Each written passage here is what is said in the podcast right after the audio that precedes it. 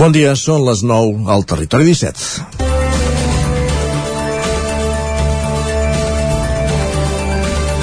El Servei Català de la Salut posava en marxa aquest dimecres nous punts massius de vacunació contra la Covid-19, principalment per administrar terceres dosis. Un d'aquests punts de vacunació és el campus Miramarges de la Universitat de Vic. S'hi poden arribar a punxar 3.000 vaccins per setmana. Ahir s'hi administraven terceres dosis per la franja de 65 a 69 anys i més endavant, de manera progressiva, s'ampliarà a les persones d'entre 60 i 65 anys. La tercera dosi també es posa a professionals sanitaris i sociosanitaris i hi ha vaccí de reforç per a qui va rebre la vacuna monodosi de Janssen. Les autoritats sanitàries continuen fent crides a la població que no s'ha vacunat perquè ho facin per evitar quadres greus, hospitalitzacions i ingressos a l'UCI. El Departament de Salut també ha demanat que es minimitzin les visites a pacients ingressats als hospitals davant del nou repunt de la pandèmia. I davant la situació actual, amb la preocupació sobre la nova variant del coronavirus, l'Omicron, ahir el Departament de Drets Socials facilitava noves dades també sobre la situació a les residències de gent gran. A tot Catalunya, en 45 residències tenen algun cas actiu de Covid-19. D'aquestes, en 27, s'hi han detectat recentment, recentment nous casos i hi ha brots en, investi en investigació. D'elles, 10 són a la regió metropolitana nord, 7 a la Catalunya central i dues a la regió de Girona, les demarcacions on pertanyen les quatre comarques del territori 17. El que també difonia el comunicat de salut és que gairebé el 97% dels residents tenen la pauta completa de vacunació, mentre que entre els treballadors aquest percentatge baixa fins al 91% i mig. Ras i curt, cap als nous espais de vacunació i falta gent. I en aquest punt també un record especial per a Josep Maria Francino, periodista i videomaníac, que moria ahir a l'edat de 74 anys a causa precisament de la Covid-19. Dijous 2 de desembre, la vigília que el Territori 17 surti al carrer per fer el programa demà des d'Espinelves, on dissabte comença la Fira de l'Avet. El saludem a la sintonia de la veu de Sant Joan, Ràdio Cardedeu, Ona Codinenca, Ràdio Vic, el 9 FM i el 9 TV. Territori 17 amb Isaac Moreno i Jordi Sunyer.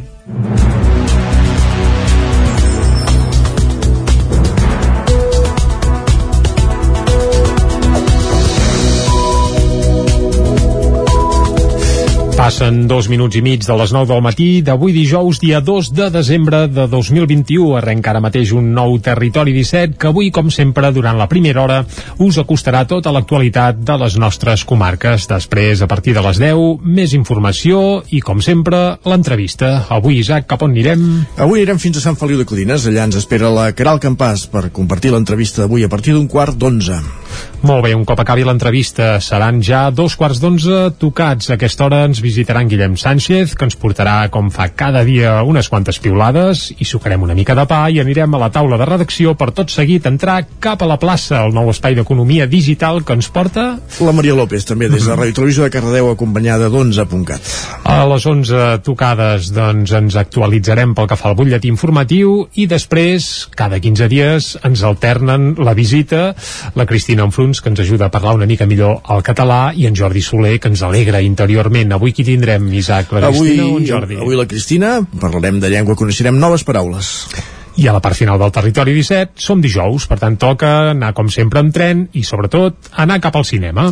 Amb en Gerard Fosses i en Joan Garcia també des de la veu de Sant Joan, com cada dia posant-nos com cada setmana posant-nos el dia de la cartellera cinematogràfica. I ara el que toca per arrencar, com fem cada dia, és començar fent un repàs a l'actualitat de casa nostra, l'actualitat de les comarques del Ripollès, Osona, el Moianès i el Vallès Oriental. Abans, però, deixa'm dir que l'entrevista un quart d'onze, com dèiem, des d'Ona Codinenca amb la Caral Campàs, parlarem amb el primer primer regidor trans en un equip de govern de l'estat espanyol, en aquest cas és un regidor de l'Ajuntament de Vigues i Riells.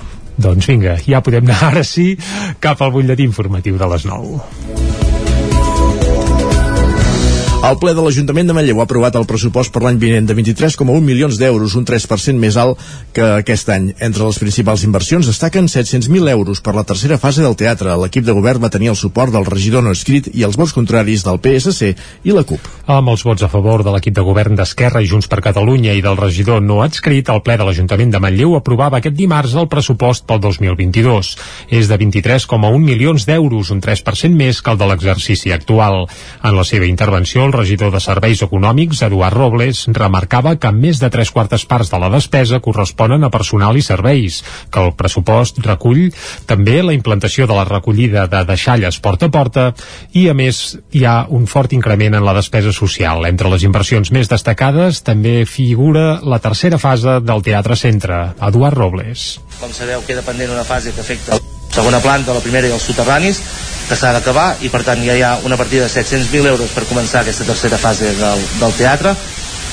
Hi ha la partida de gairebé 500.000 euros per la construcció dels vestuaris de camp de futbol, que és una llarga demanda de l'entitat de l'AFC Manlleu, i també hi ha tot el projecte d'instal·lació d'un software, d'una app de seguretat ciutadana i càmeres en les, i de càmeres en diferents punts estratègics del municipi la CUP i el PSC van votar en contra del pressupost. Els copaires van criticar especialment que la inversió per habitatge sigui de només 100.000 euros. Des del PSC, Antoni Poyato qualificava el pressupost de continuista i poc ambiciós.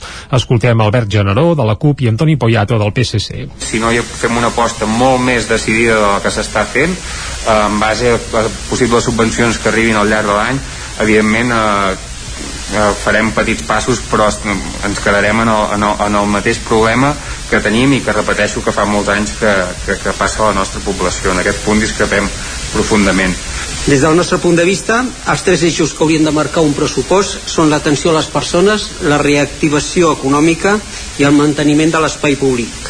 I en els pressupostos que se'ns han presentat, aquests eixos no els veiem per enlloc. El regidor no adscrit, Francisco Zambrana, va votar favorablement el pressupost, considerant, però, que s'haurien de destinar més recursos a l'àrea social i a la policia local. I continuem amb l'actualitat derivada del darrer ple de Manlleu, i és que l'empresa Prismian ha presentat una al·legació i no vol pagar la plusvàlua que l'Ajuntament de Manlleu li havia bonificat en un 50%. L'alcalde Àlex Garrido, que va qualificar l'actitud de Prismian d'inacceptable, ho va explicar al ple d'aquest dimarts, després d'una pregunta del regidor del PSC, Antoni Poyato. La multinacional esgrimeix la sentència del Tribunal Tribunal Constitucional que anula el sistema de càlcul d'aquest impost, però des de l'equip de govern consideren que hauria hagut de prevaldre l'acord previ a la bonificació. En una maniobra d'última hora abans de la sentència, el ple havia aprovat la bonificació del 50% de l'impost a Prismian, una mesura que s'havia pactat des de feia temps i que facilitava l'operació de venda de l'espai per part de Prismian a Electrojet. Amb la rebaixa, l'actual propietari havia de pagar mig milió d'euros en comptes d'un milió. Àlex Garrido. En tot cas, el que ens pertoca ara, eh, i és el que estem fent, és veure com hi podem actuar eh, i, evidentment, eh, eh, veure a nivell legal com hem de respondre a aquesta al·legació i sí, ara no ens plantegem sota cap concepte fer cap mena de rebaixa, només faltaria. L'Ajuntament manlleuenc, segons l'alcalde, articularà una resposta legal i jurídica a l'al·legació. Més qüestions. La comissaria dels Mossos d'Esquadra de Vic compta des del mes d'octubre amb 16 nous agents. Hem parlat amb tres d'ells que arriben al cos policial després de trajectòries professionals que poc tenien a veure amb la policia. Han començat l'any de pràctiques com a Mossos a Osona i es dediquen a tasques de seguretat ciutadana. Es diuen Sílvia, Rubén i Gustavo i són tres dels 16 Mossos d'Esquadra que es van incorporar a principis d'octubre a la comissaria de Vic i fan l'any de pràctiques necessàries necessari abans d'esdevenir funcionaris de carrera, després d'haver superat les oposicions i els, nous, i els nou mesos de formació. Tots tres s'incorporen al cos policial amb experiències professionals prèvies que poc tenen a veure amb la policia. En Rubén feia de mecànic, en Gustavo treballava en una empresa de tractament d'aigua, tot i que el món de les emergències li cridava l'atenció i s'havia fet bomber voluntari, i la Sílvia es dedicava al periodisme. Va ser exercint aquesta tasca que va descobrir la seva nova vocació. L'escoltem. I el 2015 2011 quan, quan vam pensar els incendis d'Òdena de, de Montserrat vaig veure doncs, que el que jo necessitava una miqueta el que a mi m'ompliria seria estar davant del que, del que estava passant i no explicar-ho. Aleshores doncs, vaig prendre la decisió de, de fer un canvi de, de fer un passet més i presentar-me a Mossa d'Esquadra i estar realment doncs, on passa l'acció de la comissaria de Vic en destaquen l'ambient de treball i la bona acollida dels agents més veterans. Dels 16 nous agents a la comissaria usonenca, 10 són homes i 6 dones. Encoratjo que les dones també es presentin a Mosses d'Esquadra perquè fan molta falta, fa falta moltes dones en el cos de Mossos d'Esquadra i al final és una professió tant per homes com per dones que ha estat durant molts anys masculinitzada i que avui dia eh, fan falta efectius femenins també per realitzar aquesta professió perquè al final treballem amb tot tipus de gent els nous Mossos d'Esquadra arriben a la comarca en un context de preocupació creixent per la seguretat i el civisme. Des dels ajuntaments usonencs fa anys que es demanen més efectius policials. Santa Maria d'Oló, Collsospina i Calders comencen els treballs de construcció de les seves depuradores el 2022. La que inclòs el programa de sanejament pel període 22-27 les tres infraestructures que del campàs des d'Ona Codinenca. Una de les reivindicacions històriques dels tres pobles en matèria mediambiental és més a prop de fer-se realitat. Santa Maria d'Oló, Collsospina i Calders preveuen que el 2022 començaran les obres de les depuradores. A Santa Maria d'Oló, l'alcalde Xavi Baraut donava i confirmava que finalment la gestió dels fangs també es faria a la depuradora del poble i ara, en principi, si no passa res, entre finals, principis d'any, s'ha d'aprovar aquest projecte, però bueno, també ha de passar per l'Ajuntament perquè ja estiguem d'acord, a explicar quin tipus de depuradora és. En principi és una depuradora mm, amb tractament de fangs, vull dir, amb, amb tot el, el necessari perquè estigui tot, tot el complet allà al, allà al mateix lloc. Per la seva banda, a Collsospina apunten que el projecte de depuradora ja està aprovat i també calculen que el 2022 es podran acabar els tràmits previs a començar les obres.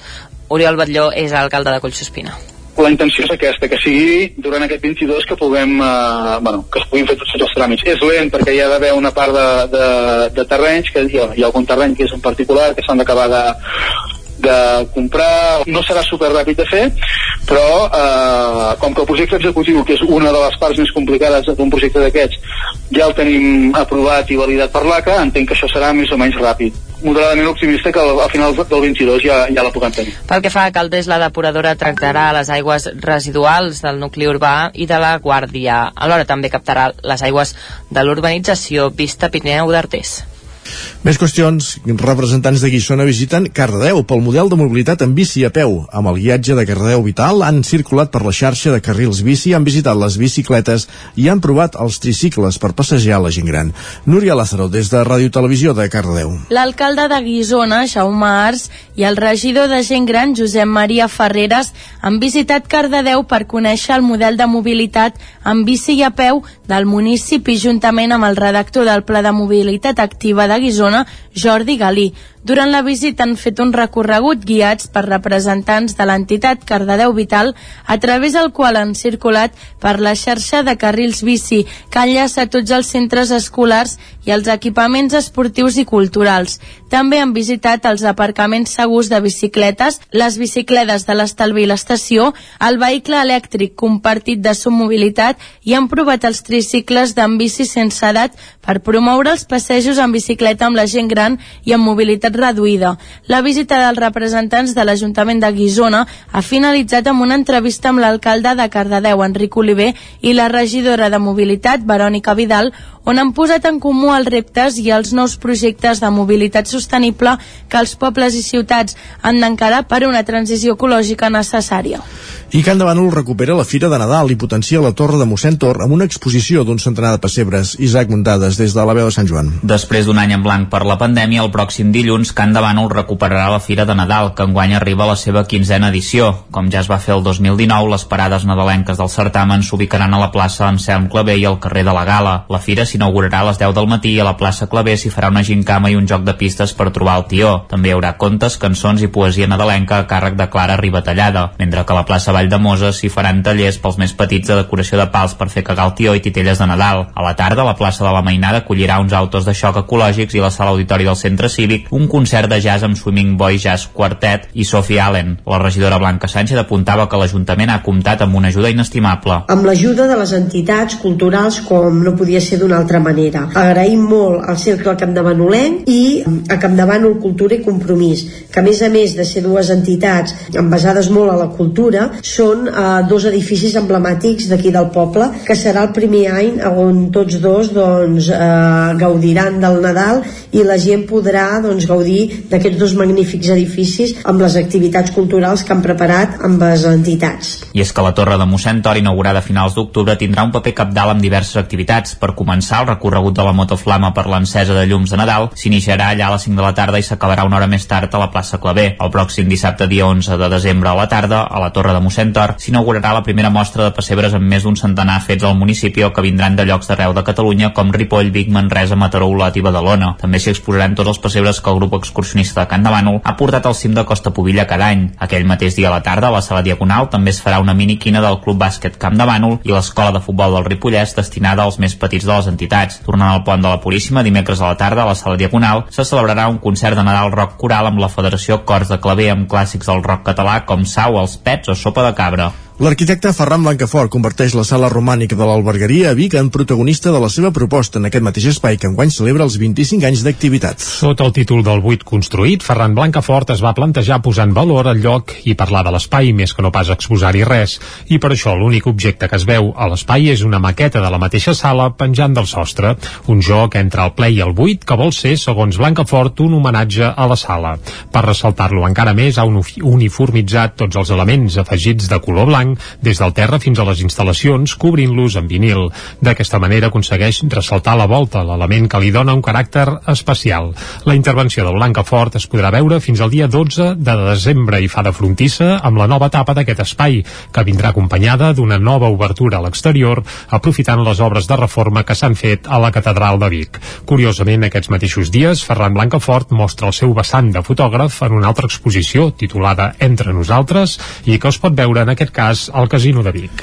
Acabem aquí aquest repàs informatiu que han començat a les 9 del matí en companyia de Jordi Sunyer, Isaac Muntades, Caral Campàs i Núria Lázaro. Tot seguit és moment de conèixer la previsió del temps. I ens la costa cada dia en Pep Acosta.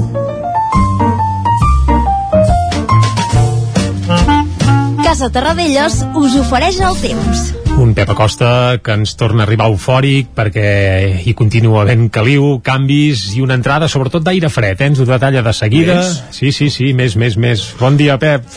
Hola, bon dia. Explica'ns això. Bon Aviam. dijous, Ara. ens acostem al cap de setmana. I tant. Ens acostem a un pont molt llarg, molt important per molta gent, però de moment direm el temps d'avui dijous, ja dia 2 de desembre, va guanyant cos a l'últim mes de l'any.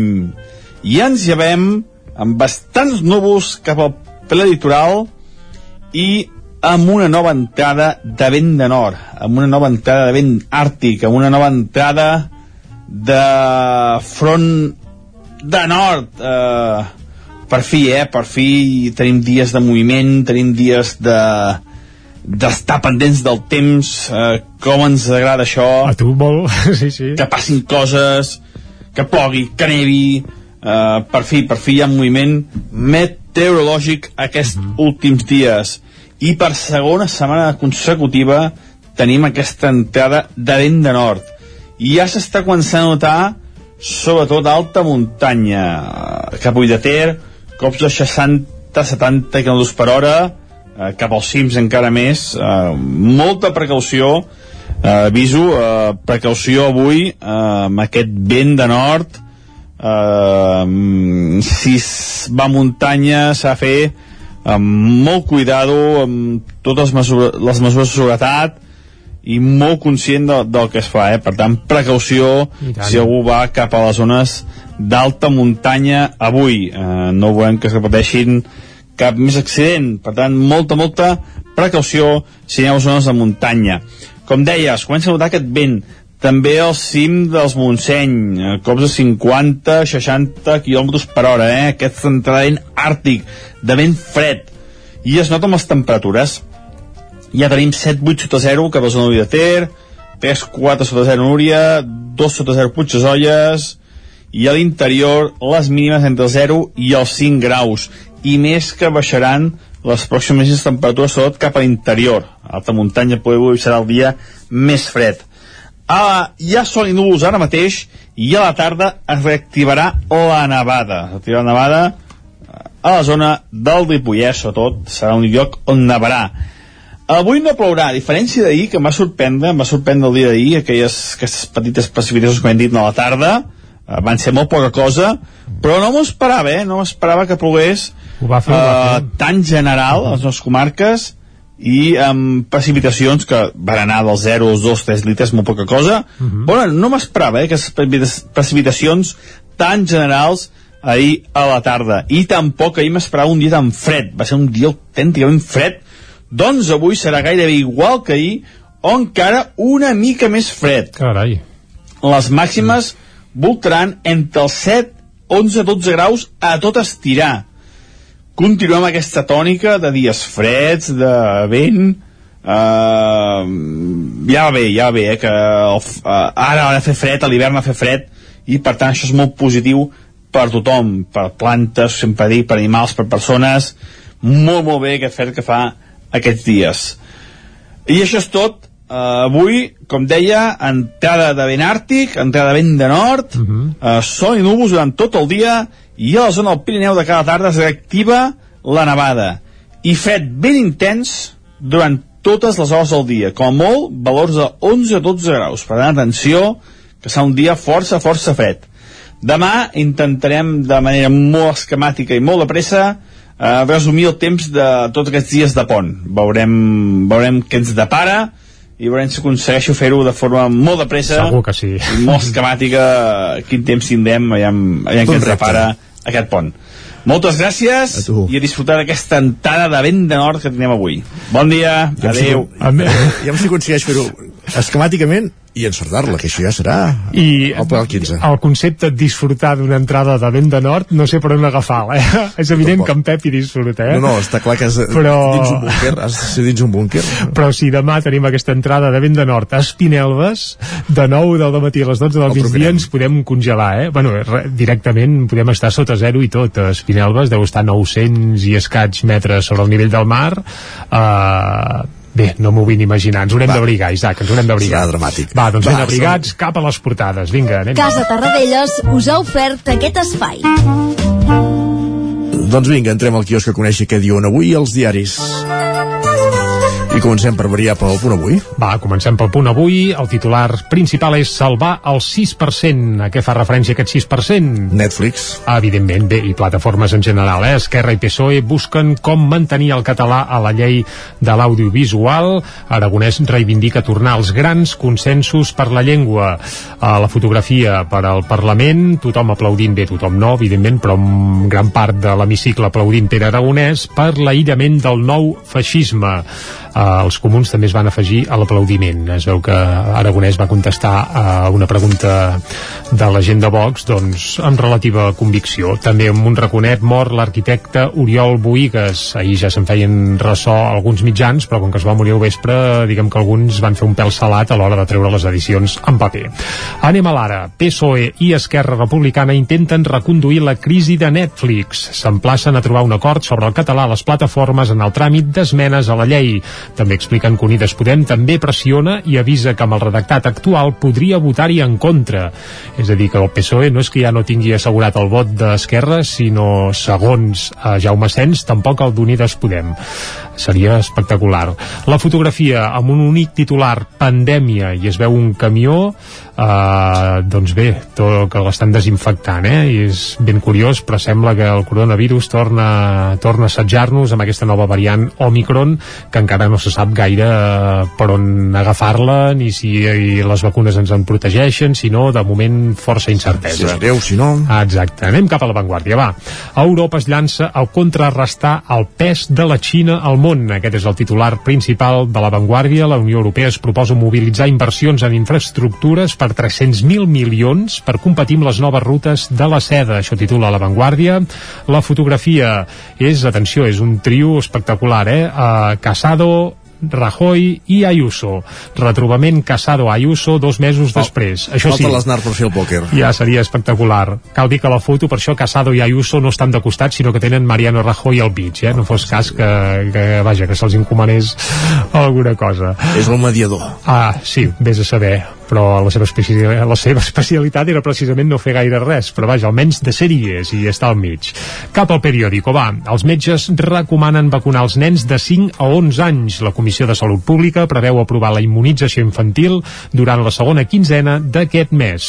Ja que parlàvem de l'Ayuso, resulta que a Madrid ja l'han aprovat i diu que d'aquí 15 dies ja vacunaran nens allà, eh? Molt bé. Uh, sempre per davant de tot. Uh, la fotografia, xoc pel pla B de Nissan, tensió entre l'Estat i la Generalitat per incloure eh, en l'alternativa una firma de manteniment de blindats militars. Mare de Déu, sí, i ja tens prou raó, ja. Doncs això apareix també a la portada del periòdico. El Barça jugarà fora del Camp Nou la Lliga 2023-2024 per les obres. Això també apareix a la portada del periòdico. És a dir, diuen fora del Camp Nou, no diuen on, eh? Si a Montjuïc, si a l'estadi A Johan la Cruyff, galàxia. uh, ja es veurà. Anem cap a Madrid Sí. i comencem, com sempre fem, pel país. Brussel·les el, alimenta el debat sobre la vacunació obligatòria. Aquest és el titular principal i diuen von der Leyen eh, dona suport a la idea d'escolts a Alemanya davant la variant Omicron. Eh, bé, es plantegen fer obligatòria la vacunació Sí. i bé, una cosa que no apareixia a les portades catalanes i que sí que apareix al país, és ben curiós és Joan Manuel Serrat uh, a més és la fotografia principal del país eh? comiat, eh? Ah, exacte, Serrat es retira dels escenaris, vaig decidir acomiadar-me en persona, diu Joan Manuel Serrat, que anuncia que farà la seva darrera gira, com ja va fer Raimon fa un parell d'anys, o Lluís Llach fa tants 16 d'altres, anys, però mira, uh, d'aquí 15 dies hi torna, eh?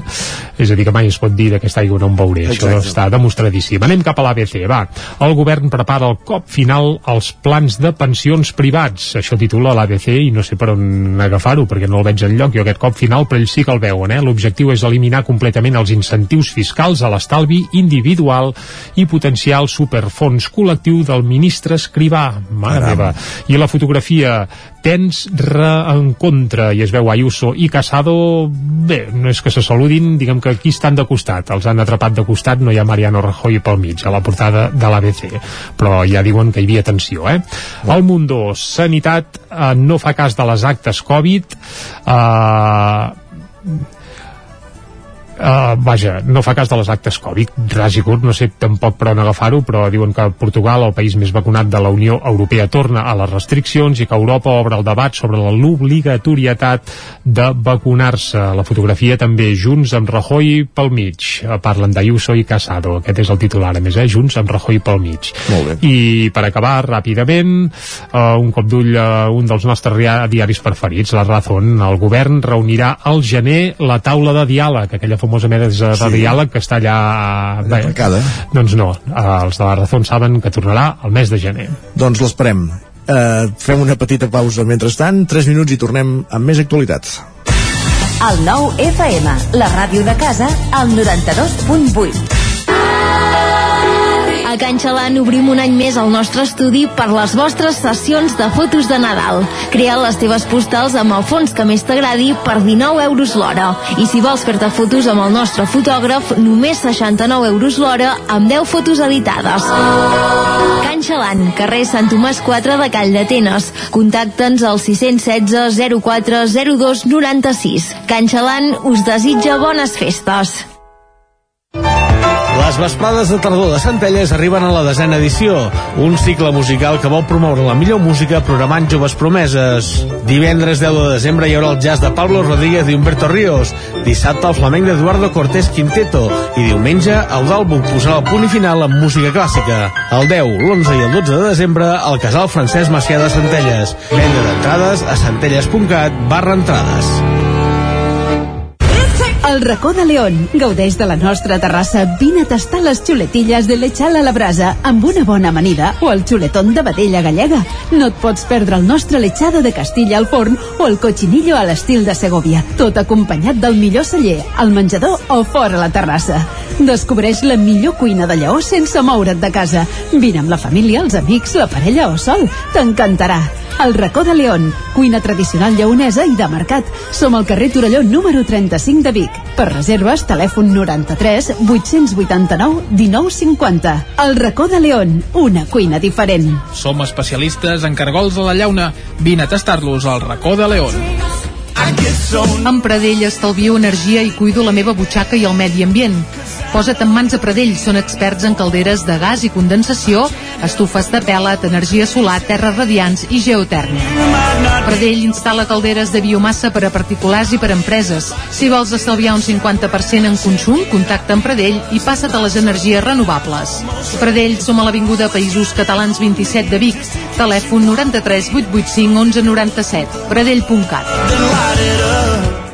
Això és el que s'escolta al voltant d'una caldera saunia d'Oval. Tranquilitat i benestar, perquè gaudeix del millor manteniment del servei tècnic oficial per estar despreocupat. O el que vulgui. Informis a Oficiat Nord trucant al 938860040. Saunia d'Oval, sempre al seu costat. Anuncia't al 9FM. La màquina de casa. 9 3 8 8 9 4 9 4 9 Publicitat arroba al 9FM.cat. Anuncia't al 9FM. La publicitat més eficaç. El nou FM, el nou FM, el nou FM, el nou FM, el nou FM. En punt dos quarts de deu al territori 17. Territori 17, amb Isaac Moreno i Jordi Sunyer.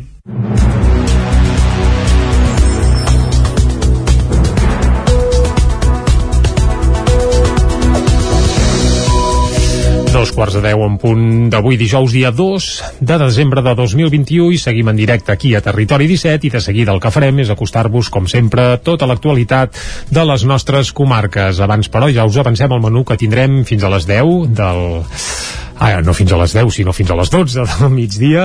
A les 10, eh, una mica abans de les 10, vaja, hi posarem música i avui d'un disc que precisament es va publicar ahir. Isaac, saps quin es va publicar ahir de disc d'un grup de Territori 17? 1 de desembre ahir, disc nou de... no, no ho sé. De Sixtus, va, Ah, n'hem sí, escoltat certament. alguna peça perquè havien fet algun avançament eh, darrerament d'alguna peça i ahir finalment es va publicar tot el seu nou disc, avui n'escoltarem una peça per, per celebrar-ho, clar que sí. Molt bé. A les 10, més informació i tot seguit vindrà l'entrevista. Parlarem amb Nico Mayoles, regidor de l'Ajuntament de Vigues i Riells, el primer regidor trans de l'estat espanyol, eh, i ho farem en companyia de la Caral Campàs des d'Ona Codinenca. I més tard, piulades, taula redacció i avui la plaça, l'espai d'economia digital. Correcte. Eh, amb Maria López des de Ràdio Televisió de Cardedeu i, amb la, i en companyia d'11.cat. A les 11, més informació, més notícies i després ens visitarà la Cristina Enfruns. I coneixerem noves paraules en català, com, com les hem d'utilitzar i com no. I a la part final del programa, com sempre, anirem en tren, a la R3, a la Trenc d'Alba i avui, com que és dijous, acabarem anant al cinema. Exacte, com cada setmana amb en Gerard Fosses i en Joan Garcia des de la veu de Sant Joan. Deixa'm abans de continuar fer un apunt. Hi ha un Mhm. quilòmetre de retencions a la C-17 a Gurb, en sentit Ripoll, a causa d'unes obres. Doncs... Va ser que Fet. també val a dir que dir C-17 Gurb, eh, tenint en compte que l'extensió del terme municipal de Gurb també és una mica eh, afinar poc, però bé, és, són les dades que tenim ara mateix. Bé, jo ja crec, crec que sé on és, perquè quan venia de Ja Vilaseca les baixant cap a Vic he vist on remenaven i és el, el punt on la, diguem que la C-17 ja ha deixat de ser germana de l'eix transversal Entesos. eh, que gairebé seria el llindar de Santa Cecília de Voltregà, més o menys perquè ens entenguem i perquè la gent se situï per tant si feu cap allà, sigui, salut i paciència Alçada de Xocovic i Leche Pasqual. Ah, exacte, un pèl més enllà, però aproximadament seria aquella zona, i tant que sí. Doncs fet aquest apunt, eh, ja podem anar a repassar de nou l'actualitat de casa nostra, l'actualitat de les comarques del Ripollès, Osona, el Moianès i el Vallès Oriental. El ple de l'Ajuntament de Manlleu ha aprovat el pressupost per l'any vinent de 23,1 milions d'euros, un 3% més alt que aquest any. Entre les principals inversions destaquen 700.000 euros per la tercera fase del teatre. L'equip de govern va tenir el suport del regidor no escrit i els vots contraris del PSC i la CUP. Amb els vots a favor de l'equip de govern d'Esquerra i Junts per Catalunya i del regidor no adscrit, el ple de l'Ajuntament de Manlleu aprovava aquest dimarts el pressupost pel 2022. És de 23,1 milions d'euros, un 3% més que el de l'exercici actual. En la seva intervenció, el regidor de Serveis Econòmics, Eduard Robles, remarcava que més de tres quartes parts de la despesa corresponen a personal i serveis, que el pressupost recull també la implantació de la recollida de deixalles porta a porta i, a més, hi ha un fort increment en la despesa social. Entre les inversions més destacades també figura la tercera fase del Teatre Centre. Eduard Robles. Com sabeu, queda pendent una fase que afecta segona planta, la primera i els soterranis, que s'ha d'acabar, i per tant ja hi ha una partida de 700.000 euros per començar aquesta tercera fase del, del teatre. Hi ha la partida de gairebé 500.000 euros per la construcció dels vestuaris de camp de futbol, que és una llarga demanda de l'entitat de l'AFC Manlleu, i també hi ha tot el projecte d'instal·lació d'un software, d'un app de seguretat ciutadana i d'unes càmeres en les, i de càmeres en diferents punts estratègics del municipi, La CUP i el PSC van votar en contra del pressupost. Els copaires van criticar especialment que la inversió per habitatge sigui de només 100.000 euros. Des del PSC, Antoni Poyato qualificava el pressupost de continuista i poc ambiciós. Escoltem Albert Generó, de la CUP, i Antoni Poyato, del PSC. si no hi fem una aposta molt més decidida de la que s'està fent eh, en base a les possibles subvencions que arribin al llarg de l'any evidentment eh, eh, farem petits passos però ens quedarem en el, en, el, en el mateix problema que tenim i que repeteixo que fa molts anys que, que, que passa a la nostra població en aquest punt discrepem profundament Des del nostre punt de vista, els tres eixos que haurien de marcar un pressupost són l'atenció a les persones, la reactivació econòmica i el manteniment de l'espai públic. I en els pressupostos que se'ns han presentat Aquests eixos no els veiem per enlloc. El regidor no adscrit, Francisco Zambrana, va votar favorablement el pressupost, considerant, però, que s'haurien de destinar més recursos a l'àrea social i a la policia local. I continuem amb l'actualitat derivada del darrer ple de Manlleu, i és que l'empresa Prismian ha presentat una al·legació i no vol pagar la plusvàlua que l'Ajuntament de Manlleu li havia bonificat en un 50%. L'alcalde Àlex Garrido, que va qualificar l'actitud de Prismian d'inacceptable, ho va explicar al ple d'aquest dimarts, després d'una pregunta del regidor del PSC, Antoni Poyato. La multinacional esgrimeix la sentència del Tribunal Constitucional que anula el sistema de càlcul d'aquest impost, però des de l'equip de govern consideren que hauria hagut de prevaldre l'acord previ a la bonificació. En una maniobra d'última hora abans de la sentència, el ple havia aprovat la bonificació del 50% de l'impost a Prismian, una mesura que s'havia pactat des de feia temps i que facilitava l'operació de venda de l'espai per part de Prismian a Electrojet. Amb la rebaixa, l'actual propietari havia de pagar mig milió d'euros en comptes d'un milió. Àlex Garrido. En tot cas, el que ens pertoca ara, eh, i és el que estem fent, és veure com hi podem actuar eh, i, evidentment, eh, eh, veure a nivell legal com hem de respondre a aquesta al·legació. I sí, ara no ens plantegem sota cap concepte fer cap mena de rebaixa, només faltaria. L'Ajuntament manlleuenc, segons l'alcalde, articularà una resposta legal i jurídica a l'al·legació. Més qüestions, la comissaria dels Mossos d'Esquadra de Vic compta des del mes d'octubre amb 16 nous agents. Hem parlat amb tres d'ells que arriben al cos policial després de trajectòries professionals que poc tenien a veure amb la policia. Han començat l'any de pràctiques com a Mossos a Osona i es dediquen a tasques de seguretat ciutadana. Es diuen Sílvia, Rubén i Gustavo i són tres dels 16 Mossos d'Esquadra que es van incorporar a principis d'octubre a la comissaria de Vic i fan l'any de pràctiques necessari abans d'esdevenir funcionaris de carrera, després d'haver superat les oposicions i els, nous i els nou mesos de formació. Tots tres s'incorporen al cos policial amb experiències professionals prèvies que poc tenen a veure amb la policia. En Rubén feia de mecànic, en Gustavo treballava en una empresa de tractament d'aigua, tot i que el món de les emergències li cridava l'atenció i s'havia fet bomber voluntari. I la Sílvia es dedicava al periodisme. Va ser exercint aquesta tasca que va descobrir la seva nova vocació. L'escoltem. I el 2015, quan, quan vam pensar els incendis d'Òdena, de, de Montserrat, vaig veure doncs, que el que jo necessitava una miqueta el que a mi m'ompliria seria estar davant del que, del que estava passant i no explicar-ho. Aleshores doncs, vaig prendre la decisió de, de fer un canvi, de, de fer un passet més i presentar-me a Mossa d'Esquadra i estar realment doncs, on passa l'acció de la comissaria de Vic en destaquen l'ambient de treball i la bona acollida dels agents més veterans. Dels 16 nous agents a la comissaria usonenca, 10 són homes i 6 dones. Encoratjo que les dones també es presentin a Mosses d'Esquadra perquè fan molta falta, fa falta moltes dones en el cos de Mossos d'Esquadra i al final és una professió tant per homes com per dones que ha estat durant molts anys masculinitzada i que avui dia eh, fan falta efectius femenins també per realitzar aquesta professió perquè al final treballem amb tot tipus de gent els nous Mossos d'Esquadra arriben a la comarca en un context de preocupació creixent per la seguretat i el civisme. Des dels ajuntaments usonencs fa anys que es demanen més efectius policials. Santa Maria d'Oló, Collsospina i Calders comencen els treballs de construcció de les seves depuradores al 2022. L'ha que inclòs el programa de sanejament pel període 22-27 les tres infraestructures que era el campàs des d'Ona Codinenca. Una de les reivindicacions històriques dels tres pobles en matèria mediambiental és més a prop de fer-se realitat. Santa Maria d'Oló, Collsospina i Calders preveuen que el 2022 començaran les obres de les depuradores. A Santa Maria d'Oló, l'alcalde Xavi Baraut donava i confirmava que finalment la gestió dels fangs també es faria a la depuradora del poble. I ara, en principi, si no passa res, entre finals, principis d'any, s'ha d'aprovar aquest projecte, però bueno, també ha de passar per l'Ajuntament perquè ja estiguem d'acord, eh, explicar quin tipus de depuradora és. En principi és una depuradora mm, amb tractament de fangs, vull dir, amb, amb tot el, el necessari perquè estigui tot, tot el complet allà al, allà al mateix lloc. Per la seva banda, a Collsospina apunten que el projecte de depuradora ja està aprovat i també calculen que el 2022 es podran acabar els tràmits previs a començar les obres. Oriol Batlló és alcalde de Collsospina la intenció és aquesta, que sigui durant aquest 22 que puguem, eh, bueno, que es puguin fer tots els tràmits. És lent perquè hi ha d'haver una part de, de, de terrenys, que hi ha, hi ha algun terreny que és en particular, que s'han d'acabar de, de comprar, no serà super ràpid de fer, però eh, com que el projecte executiu, que és una de les parts més complicades d'un projecte d'aquests, ja el tenim aprovat i validat per l'ACA, entenc que això serà més o menys ràpid moderadament optimista que al, al final del 22 ja, ja la puguem tenir. Pel que fa a Caldés, la depuradora tractarà les aigües residuals del nucli urbà i de la Guàrdia. Alhora també captarà les aigües de l'urbanització Vista Pirineu d'Artés. Més qüestions. Representants de Guissona visiten Cardedeu pel model de mobilitat en bici a peu. Amb el guiatge de Cardedeu Vital han circulat per la xarxa de carrils bici, han visitat les bicicletes i han provat els tricicles per passejar la gent gran. Núria Lázaro, des de Ràdio Televisió de Cardedeu. L'alcalde de Guissona, Jaume Ars, i el regidor de gent gran, Josep Maria Ferreres, han visitat Cardedeu per conèixer el model de mobilitat en bici i a peu del municipi juntament amb el redactor del Pla de Mobilitat Activa de Guissona, Jordi Galí.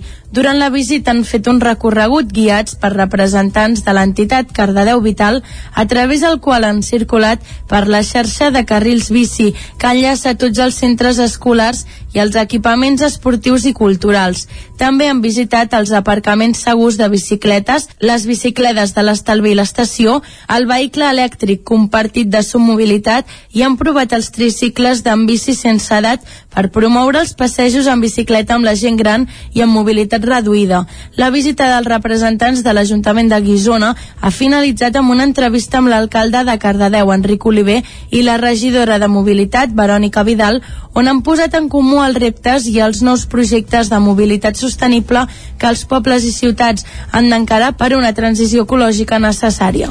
I Can de Bànol recupera la Fira de Nadal i potencia la Torre de Mossèn Tor amb una exposició d'un centenar de pessebres. Isaac Muntades, des de la veu de Sant Joan. Després d'un any en blanc per la pandèmia, el pròxim dilluns Can de Bànol recuperarà la Fira de Nadal, que enguany arriba a la seva quinzena edició. Com ja es va fer el 2019, les parades nadalenques del certamen s'ubicaran a la plaça Anselm Clavé i al carrer de la Gala. La fira s'inaugurarà a les 10 del matí i a la plaça Clavé s'hi farà una gincama i un joc de pistes per trobar el tió. També hi haurà contes, cançons i poesia nadalenca a càrrec de Clara Ribatallada, mentre que a la plaça Vall de Moses s'hi faran tallers pels més petits de decoració de pals per fer cagar el tió i titelles de Nadal. A la tarda, la plaça de la Mainada acollirà uns autos de xoc ecològics i la sala auditori del centre cívic un concert de jazz amb Swimming Boy Jazz Quartet i Sophie Allen. La regidora Blanca Sánchez apuntava que l'Ajuntament ha comptat amb una ajuda inestimable. amb l'ajuda de les entitats culturals com no podia ser d'una altra manera. Agraïm molt al Cercle Campdevanolenc i a Campdevànol Cultura i Compromís, que a més a més de ser dues entitats basades molt a la cultura, són eh,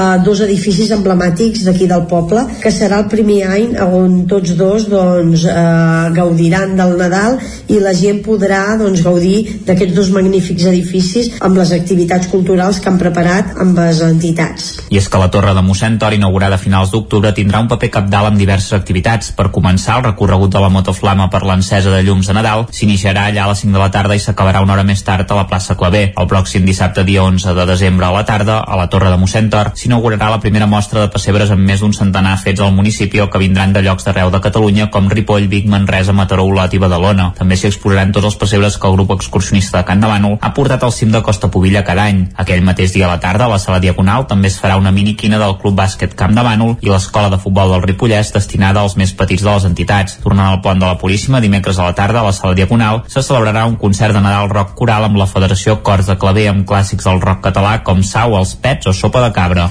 L'arquitecte Ferran Blancafort converteix la sala romànica de l'Albergaria a Vic en protagonista de la seva proposta en aquest mateix espai que enguany celebra els 25 anys d'activitat. Sota el títol del buit construït, Ferran Blancafort es va plantejar posar en valor el lloc i parlar de l'espai més que no pas exposar-hi res. I per això l'únic objecte que es veu a l'espai és una maqueta de la mateixa sala penjant del sostre. Un joc entre el ple i el buit que vol ser, segons Blancafort, un homenatge a la sala. Per ressaltar-lo encara més, ha uniformitzat tots els elements afegits de color blanc des del terra fins a les instal·lacions, cobrint-los amb vinil. D'aquesta manera aconsegueix ressaltar la volta, l'element que li dona un caràcter especial. La intervenció de Blancafort es podrà veure fins al dia 12 de desembre i fa de frontissa amb la nova etapa d'aquest espai, que vindrà acompanyada d'una nova obertura a l'exterior, aprofitant les obres de reforma que s'han fet a la Catedral de Vic. Curiosament, aquests mateixos dies, Ferran Blancafort mostra el seu vessant de fotògraf en una altra exposició titulada Entre nosaltres i que es pot veure en aquest cas al Casino de Vic. Acabem aquí aquest repàs informatiu que han començat a les 9 del matí en companyia de Jordi Sunyer, Isaac Muntades, Caral Campàs i Núria Lázaro. Tot seguit és moment de conèixer la previsió del temps. I ens la costa cada dia en Pep Acosta.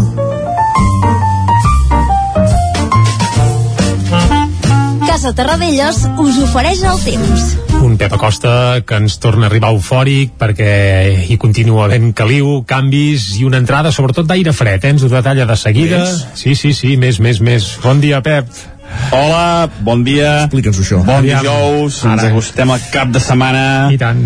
Ens acostem a un pont molt llarg, molt important per molta gent, però de moment diem el temps d'avui dijous, ja dia 2 de desembre, va guanyant cos a l'últim mes de l'any.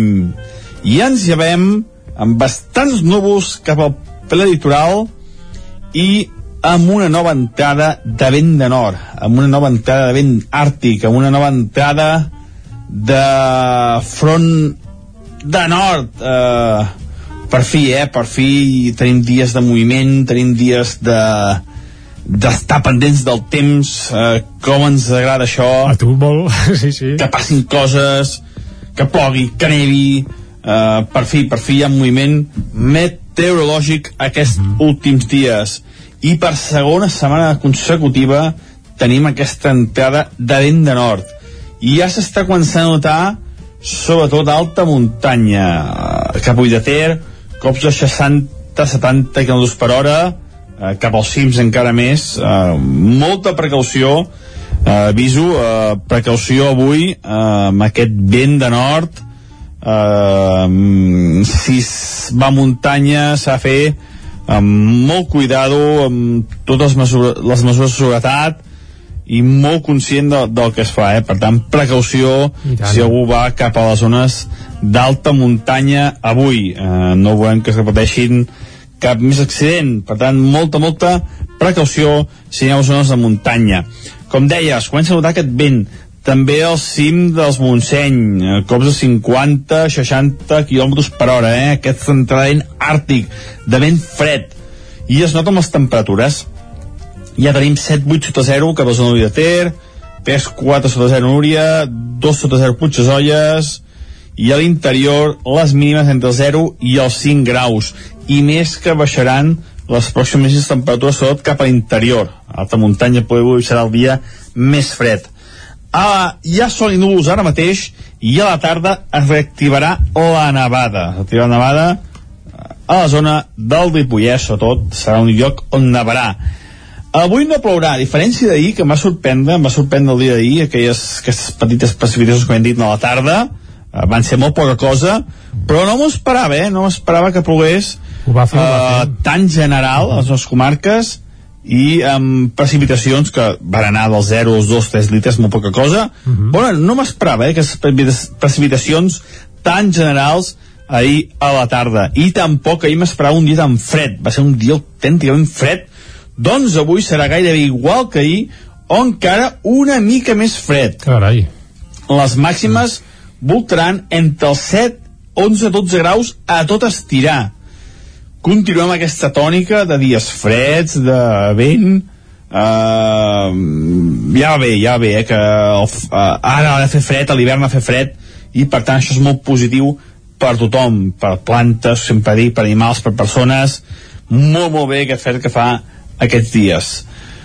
I això és tot. Uh, avui, com deia, entrada de vent àrtic, entrada de vent de nord, uh -huh. uh, sol i núvols durant tot el dia, i a la zona del Pirineu de cada tarda es reactiva la nevada.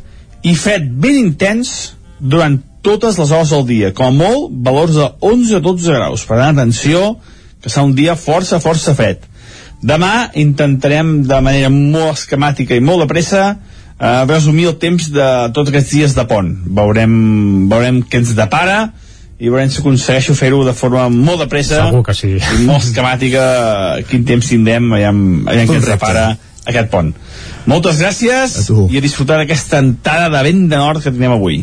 Bon dia, Ja adeu. Ja si aconsegueix fer-ho esquemàticament i encertar-la, que això ja serà I el pla del 15. el concepte de disfrutar d'una entrada de vent de nord no sé per on agafar-la, eh? És evident que en Pep hi disfruta, eh? No, no, està clar que és Però- dins un búnquer, has de ser dins un búnquer.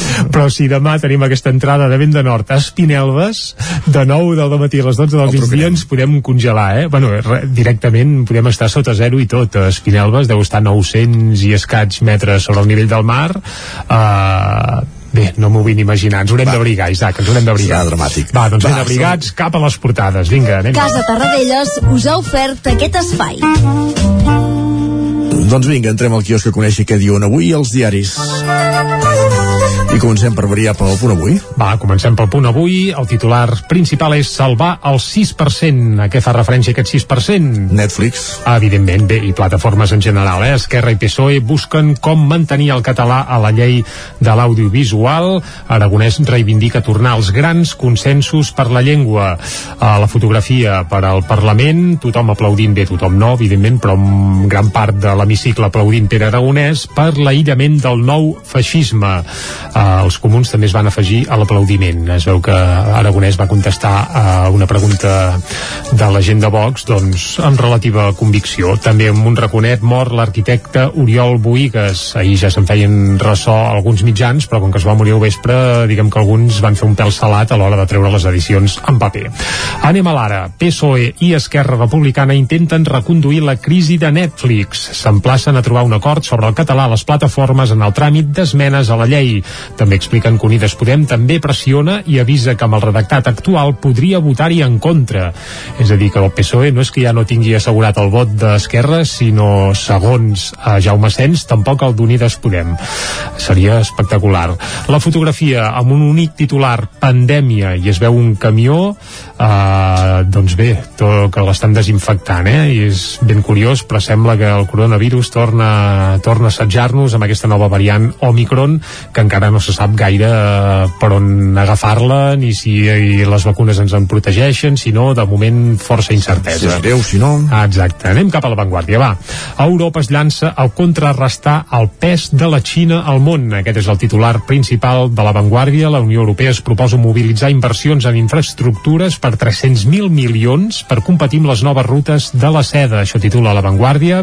La fotografia és, atenció, és un trio espectacular, eh? Uh, Casado, Rajoy i Ayuso. Retrobament Casado-Ayuso dos mesos després. Això sí, per fer el pòquer. ja seria espectacular. Cal dir que la foto, per això Casado i Ayuso no estan de costat, sinó que tenen Mariano Rajoy al mig, eh? No fos cas que, que vaja, que se'ls encomanés alguna cosa. És el mediador. Ah, sí, vés a saber però la seva, especialitat, la seva especialitat era precisament no fer gaire res, però vaja, almenys de sèries i està al mig. Cap al periòdico, va, els metges recomanen vacunar els nens de 5 a 11 anys. La Comissió de Salut Pública preveu aprovar la immunització infantil durant la segona quinzena d'aquest mes. Ja que parlàvem de l'Ayuso, resulta que a Madrid ja l'han aprovat i diu que crec que 15 dies ja vacunaran nens allà, eh? Molt bé. Uh, sempre per davant de tot. Uh, la fotografia, xoc pel pla B de Nissan, tensió entre l'Estat i la Generalitat per incloure eh, en l'alternativa una firma de manteniment de blindats militars. Mare de Déu, sí, i ja tens prou raó, ja. Doncs això apareix també a la portada del periòdico. El Barça jugarà fora del Camp Nou la Lliga 2023-2024 per les obres. Això també apareix a la portada del periòdico. És a dir, n- diuen fora del Camp Nou, no diuen on, eh? Si a Montjuïc, si a l'estadi Johan Cruyff, uh, ja es veurà. Anem cap a Madrid sí. i comencem, com sempre fem pel país.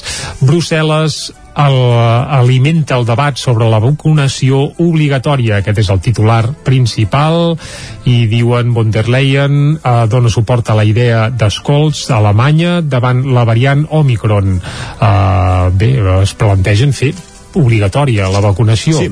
i bé, una cosa que no apareixia a les portades catalanes i que sí que apareix al país és ben curiós, és Joan Manuel Serrat uh, a més és la fotografia principal del país de eh? comiat, eh? Ah, exacte, Serrat es retira dels escenaris vaig decidir acomiadar-me en persona diu Joan Manuel Serrat que anuncia que farà la seva darrera gira com ja va fer Raimon fa un parell d'anys o Lluís Llach fa tants 16 altres, anys però mira, uh, d'aquí 15 dies hi torna eh?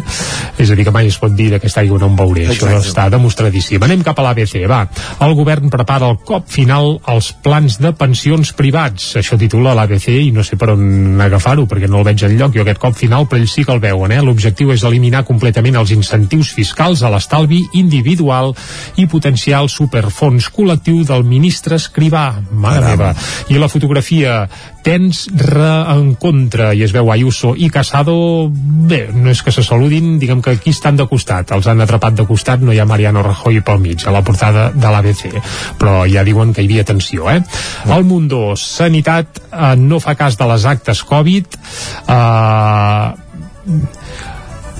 Uh, vaja, no fa cas de les actes Covid ras i curt, no sé tampoc per on agafar-ho però diuen que Portugal, el país més vacunat de la Unió Europea, torna a les restriccions i que Europa obre el debat sobre l'obligatorietat de vacunar-se. La fotografia també Junts amb Rajoy pel mig. Uh, parlen d'Ayuso i Casado. Aquest és el titular, a més, eh? Junts amb Rajoy pel mig.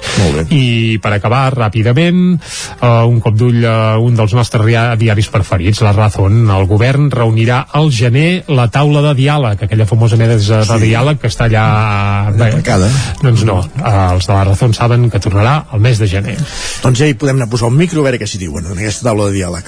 Bé, el pas que fa que van, que es reuneixen un cop a l'any, com aquell qui diu, eh, aviat hauran passat aquells dos anys que en teoria s'havien donat de marge fins a, entre cometes, tornar a reactivar el procés, o no? I fa de mal, de mal predir, però en poden anar els trets, però feina. el ritme que van, si més no de trobades visuals i anunciades, és evident. Netflix, ara. Sí, eh, com ens hem de veure. Però vaja, la conclusió volia dir que el ritme que van de trobades, jo crec que d'aquí 20 o 30 anys potser acorden alguna cosa. Però bé, això serien figues d'un altre paner. Posem-hi música, que aquí sí... Aquí sí.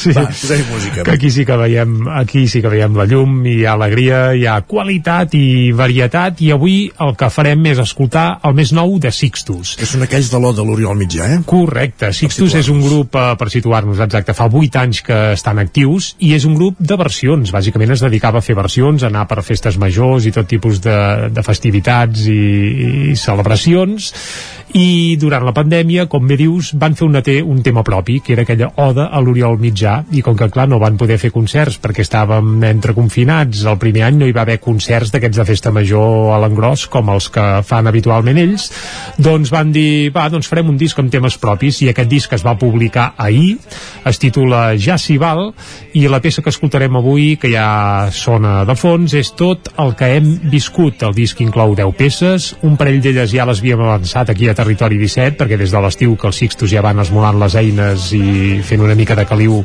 de cara a aquest nou disc, i bé, el disc ara ja és una realitat, ja es pot adquirir, adquirir a les plataformes, a les que vulgueu, també en format físic, i una de les peces que hi ha és aquest tot el que hem viscut. Cal dir que es presentarà en directe aquest disc el proper 22 de gener en un concert a la sala La Cabra de Vic. Molt bé. Per tant, això, podeu regalar-vos entrades doncs, de cara al Tió, als Reis o el que vulgueu, perquè la veritat és que serà un festival. Sixtus. Vinga. I ja no importa massa, serà per tot el que hem viscut. Serà que estem junts. I ja no importa massa, serà per tot el que hem viscut. Serà per tot el que hem viscut.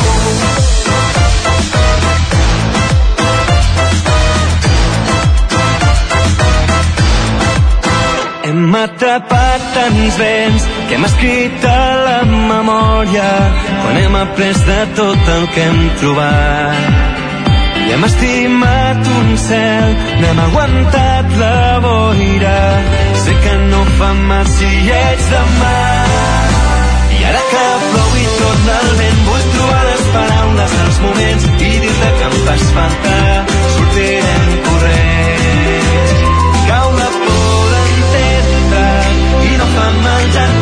Tot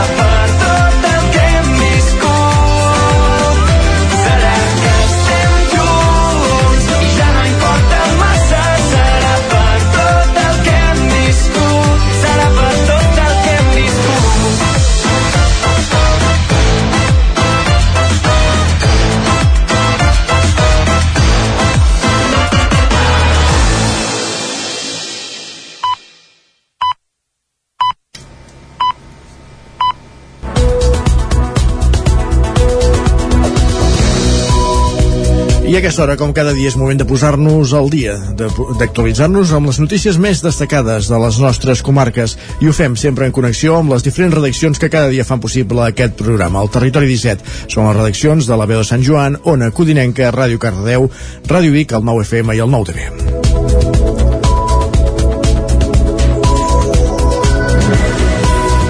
Aquest dijous, 1 de desembre, era el Dia Mundial de la Sida. A Catalunya, més de 33.000 persones conviuen amb el VIH. El Consorci Hospitalari de Vic n'atenen 400. Aquest any en fa 40 de la detecció del primer cas de Sida a Catalunya. Ah, puntualitzem primer de tot que el Dia Mundial de la Sida era ahir, dimecres 1 de desembre. El Consorci Hospitalari de Vic atén uns 400 pacients amb VIH, el virus que causa la Sida. La xifra de persones ateses va creixent pels nous contagis, però sobretot perquè augmenta l'esperança de vida dels pacients. Les noves infeccions se solen produir en persones d'entre 20 i 40 anys. La major, el major volum de contagis és en homes homosexuals i en els casos de persones heterosexuals una part important de les infeccions són en nouvinguts. Amb el relaxament de les restriccions, després del tram més dur de la pandèmia, s'està detectant també un repunt de contagis. Ho explica Ingrid Vilaró, responsable de la unitat del VIH del Consorci Hospitalari de Vic no ho tenim analitzat, eh? però sí que és veritat que ens dona la sensació que des de que s'han relaxat les mesures i, no? I, i la gent pot sortir més i pot tenir més contactes, hi ha com una mica de repunt de nous casos. Eh? És a dir, la, la gent s'ha relaxat amb tot, amb el Covid, però també amb les mesures de protecció d'altres no? infeccions. El Pla d'Acció contra el VIH que ha aprovat la Generalitat, coincidint amb la commemoració del Dia Mundial de la Sida, posa un èmfasi especial en la lluita contra l'estigma i la discriminació associades a la malaltia. Ingrid Vilaró. perquè puguin acceptar com, no? com qui té diabetis, com qui té hipertensió, com qui té qualsevol altra malaltia, es pugui veure d'aquesta manera, però els malalts els hi costa encara, sí, sí.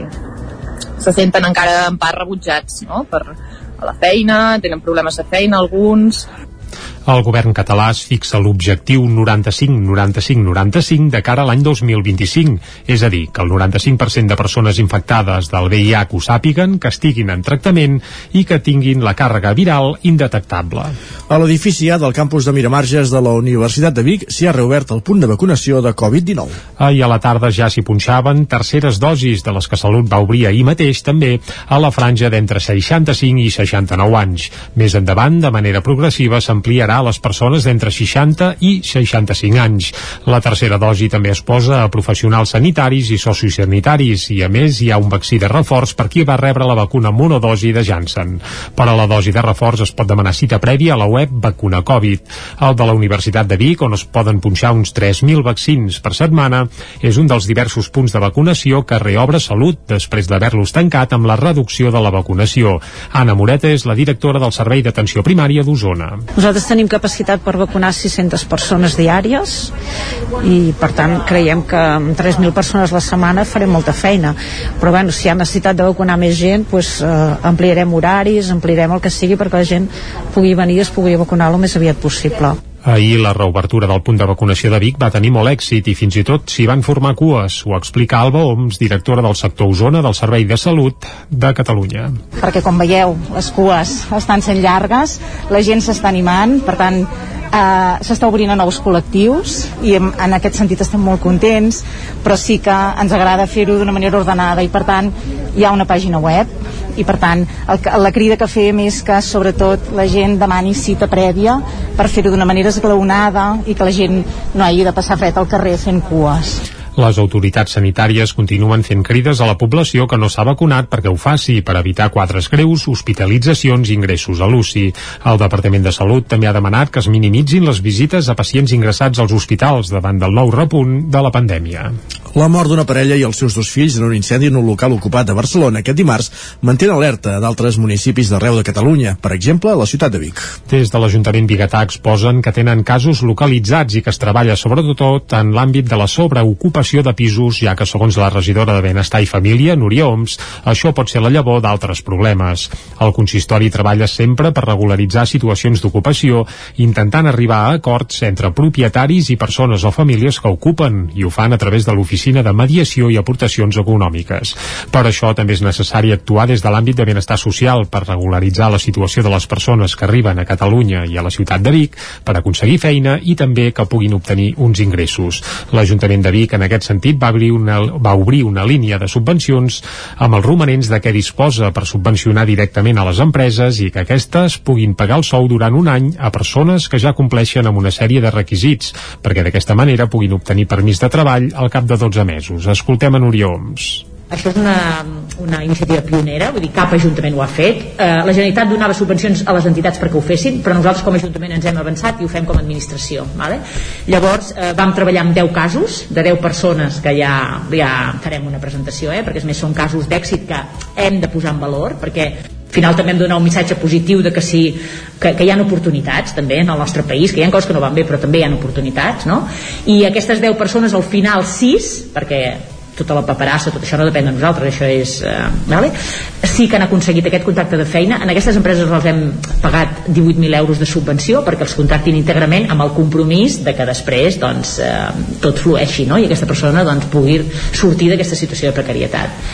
Vull dir que tot això són línies no?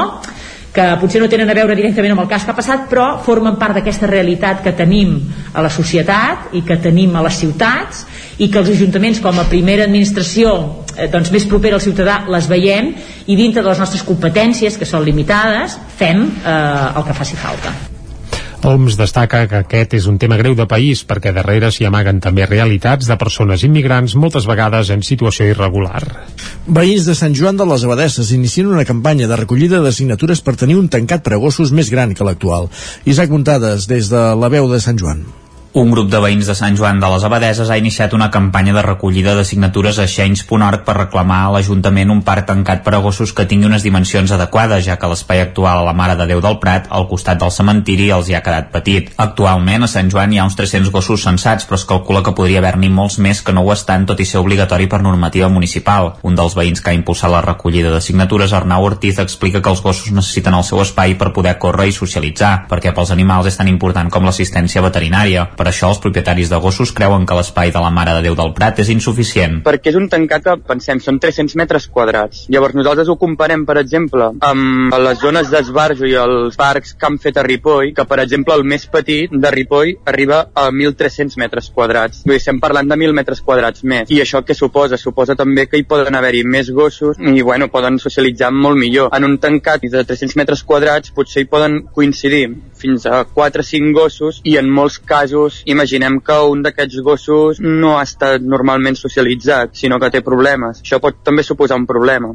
Com que l'espai és petit, la majoria de veïns amb gossos es reuneixen al final del Parc del Ter i a l'estiu poden arribar a ser fins a 20 gossos de totes les races i mides, des dels 2 quilos fins als de 50. A l'hivern la xifra es redueix fins als 7 o 8 animals. L'espai no és l'únic problema de la Mare Déu del Prat. Però també el fet de que no hem vist que hi hagi una millora, per exemple, en la neteja. La gran majoria de propietaris tenim els dispensadors de bosses que utilitzem, però tot i així el parc no ha estat netejat molts cops, mm. creiem. També una cosa que ens hem trobat és que quan plou tot aquell parc parc, diguem, s'inunda, s'emplena d'aigua. Llavors sí que és pràcticament impracticable. A més, cap al final dels confinaments més durs de la pandèmia també es va incrementar el nombre de visites de la policia local i dels Mossos d'Esquadra a l'espai on solen anar ara. Un dia els municipals van passar-hi fins a 5 cops en un sol matí. Per trobar una solució ja s'han assegut a parlar amb el consistori alguna vegada, però l'últim cop va ser el 2020. Un espai ideal per fer aquest parc seria la zona de darrere de l'Institut Escola Mestre Andreu, però no saben si els terrenys són municipals. De moment ja han recollit més de 160 signatures de veïns de Sant Joan, del Ripollès i de fora de la comarca.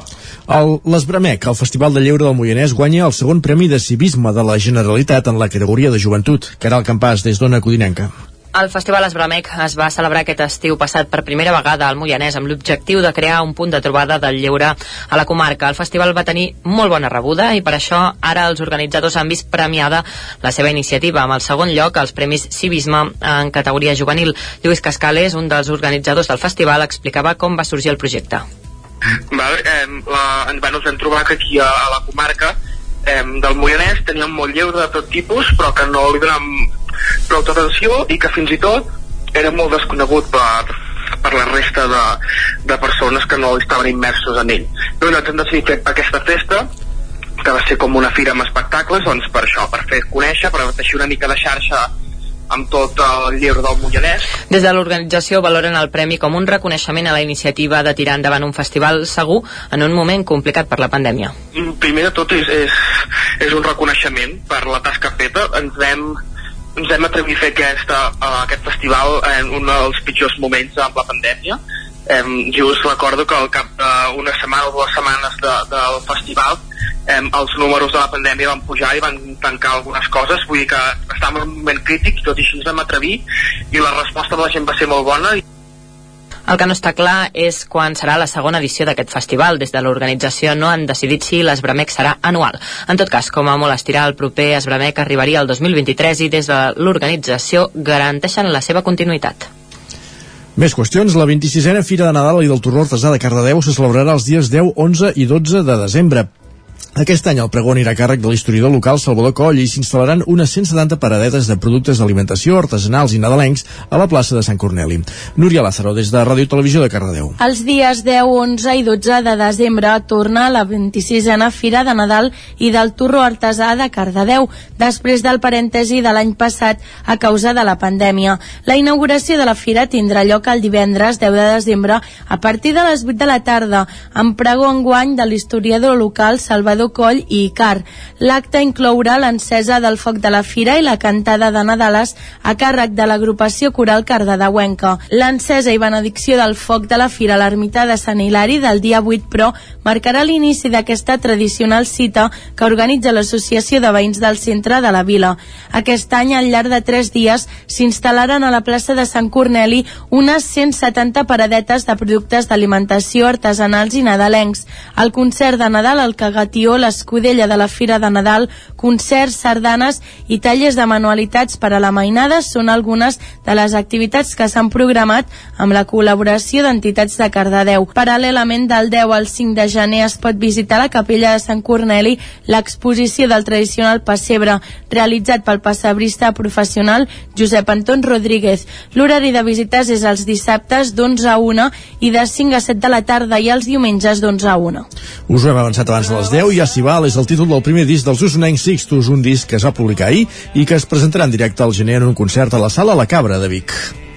Sixtus fins ara era un grup de versions amb seu a la Vall del Gès que va començar a trepitjar escenaris ja fa 8 anys, just abans de la pandèmia però en un procés similar al d'altres bandes nacionals com Buos, que també havien començat fent covers, es van plantejar fer temes propis i van posar fil a l'agulla.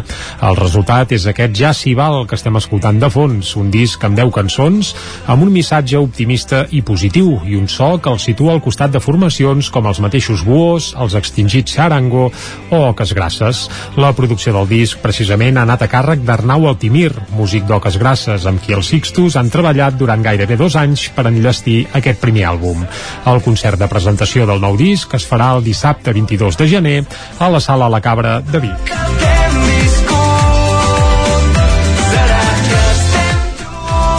I amb els Sixtus arribem al moment de conèixer la previsió meteorològica per les properes hores.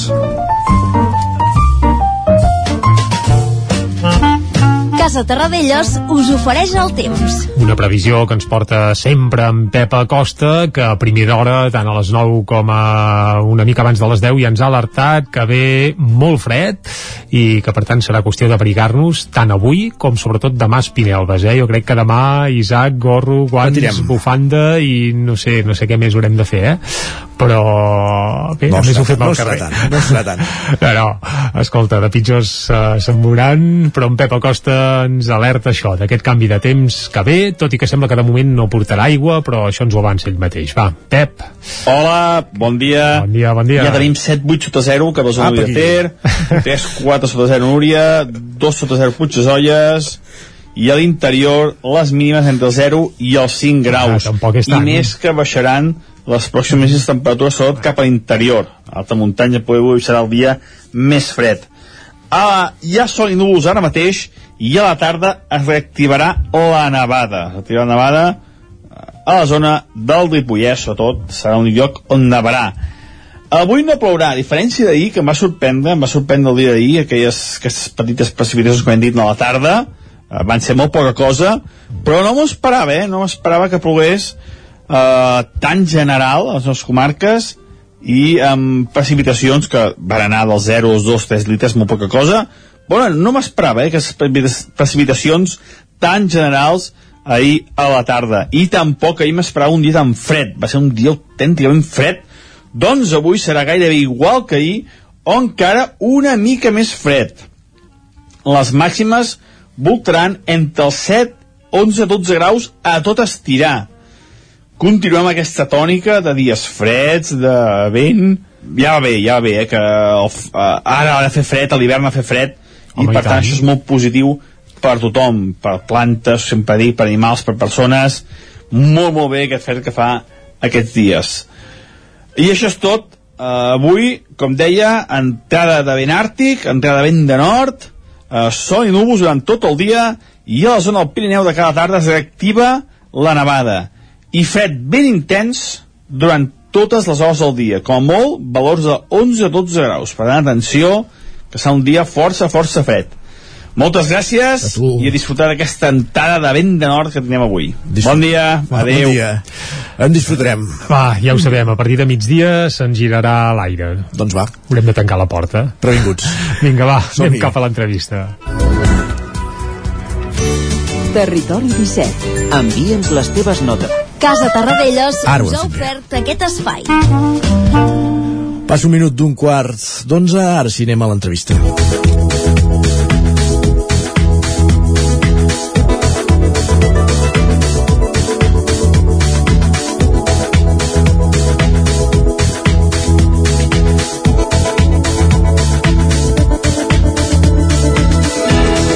L'últim ple municipal de Vigues i Riells del FAI va prendre possessió Nico Maioles, que és el primer regidor trans que està en un equip de govern a nivell de Catalunya. Anem cap a una codinenca amb la Caral Campàs. Bon dia.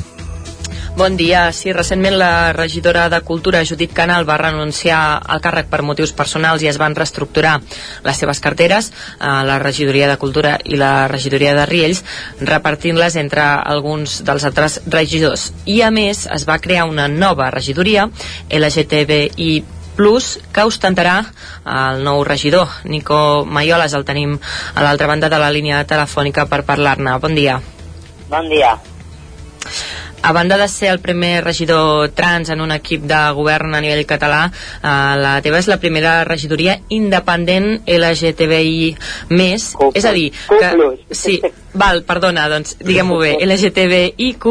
Eh, eh, llavors, perquè la gent ho entengui, s'hi destinaran recursos propis. De fet, en altres poblacions existeix, però no com a regidoria independent. Uh, com, com valores doncs, el fet aquest de que hagueu creat la primera regidoria independent LGTBIQ+.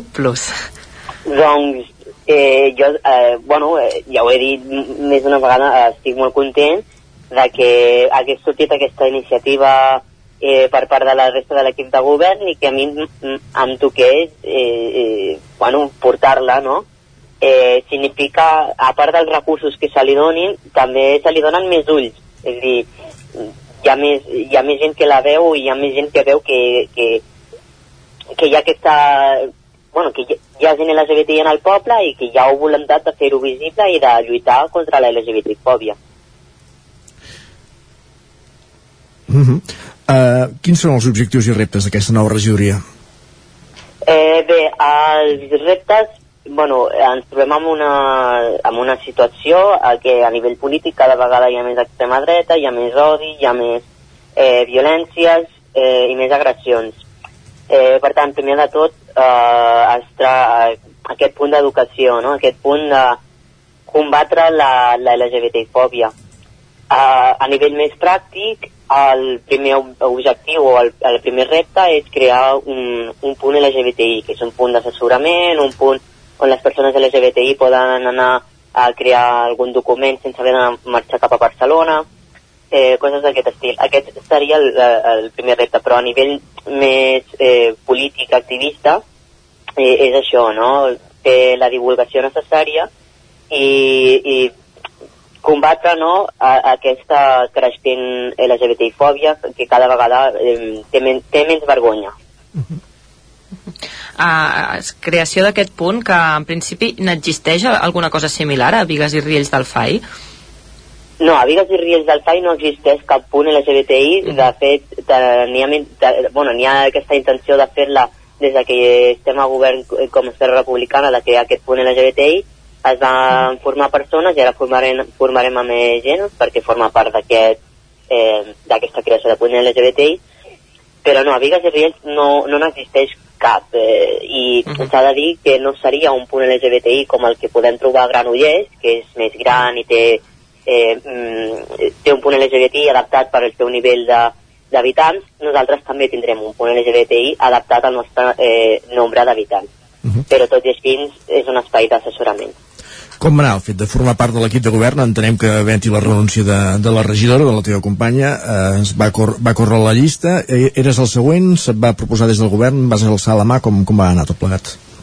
Sí, eh, bueno, eh, la, eh, la companya va marxar i a mi em van proposar, bueno, a mi sempre m'han estat fent una broma d'escalfa que entres, escalfa que entres i eh, bueno, jo, eh, la, la última vegada que m'ho van dir, pues, bueno, ja, ja no era una broma, ja era eh, entres, eh, estàs allà darrere i clar, bueno, el que hi havia, el que calava era que jo acceptés i que jo volgués agafar eh, eh, aquesta posició, no?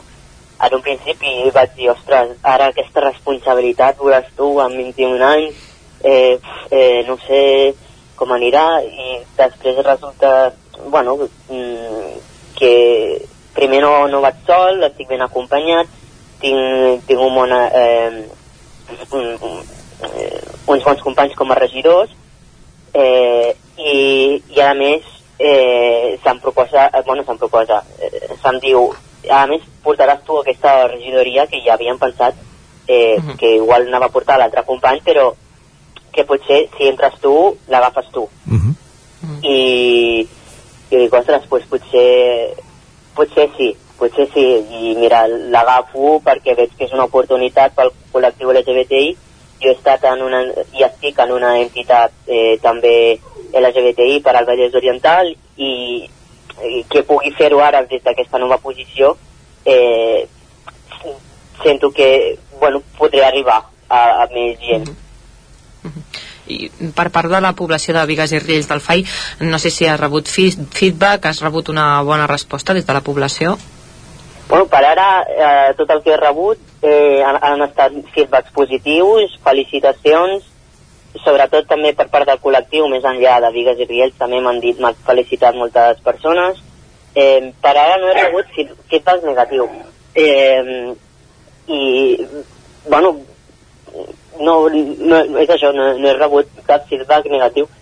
Eh, I penso i no, tota la gent que he anat veient en els actes del- del 25 que han passat, per exemple, que potser hi ha un avançament, o els actes del 27 de novembre també relacionats amb el Dia contra la Violència, doncs també tota la gent que ho sabia em felicitava, no? Durant la teva presa de possessió eh, vas fer un jurament específic on et comprometies a treballar per a tot el col·lectiu des de l'ELA fins, a, fins al Plus, fins a, que comentàvem a- abans. Diguéssim, la teva experiència, en haver fet el trànsit i, i tot plegat, suposo que ha d'ajudar no? a persones que es trobin en una situació com la que tu has viscut eh, dins el teu municipi i no sé si més enllà també el que feu en aquesta regidoria Vigues pot ser un model a aplicar en altres municipis. Sí. Eh, de, fet, esperem que, que s'apliqui a altres, a altres municipis. I sí, eh, bueno, jo vull lluitar per totes les lletres perquè fins no fa gaire la T mm, estava una mica allà al darrere, una mica oblidada. Ara la que, la que està més oblidada és la I, de la intersexualitat, que hi ha molta mm, diguem-ne, molt desconeixement sobre aquesta dieta, inclús dintre del propi col·lectiu LGBTI. Però la teva encara l'hem de lluitar molt, perquè encara hi ha molt per lluitar i encara hi ha molts debats contra, eh, contra el tema trans, i després totes les altres lletres, el, el, el, el, la Q, la A, totes les lletres que hi ha eh, en el plus, no? I, i, i sento, bueno, jo vull lluitar per aquestes lletres perquè fins ara és, és això, la té ha estat al darrere i, i amb poca visibilitat i uh -huh. no vull que hi hagi altres lletres en aquesta situació Sí, a la Garriga hi ha una regidora trans, però està a l'oposició, per tant ets el primer regidor trans a un equip de govern, no? I encapçalant sí. també una regidoria pròpia. Eh, creus que es tendirà no? cap, a, cap a aquesta banda a agafar posicions de poder per part de persones del col·lectiu o s'ha de tendir cap allà? Oh, i tant, i tant, I com, com, si, com quan un home gay o una dona lesbiana agafa eh, posicions així eh, d'aquest nivell de visibilitat eh, és, és necessari perquè primer demostrem que, que estem que la societat està acceptant-nos.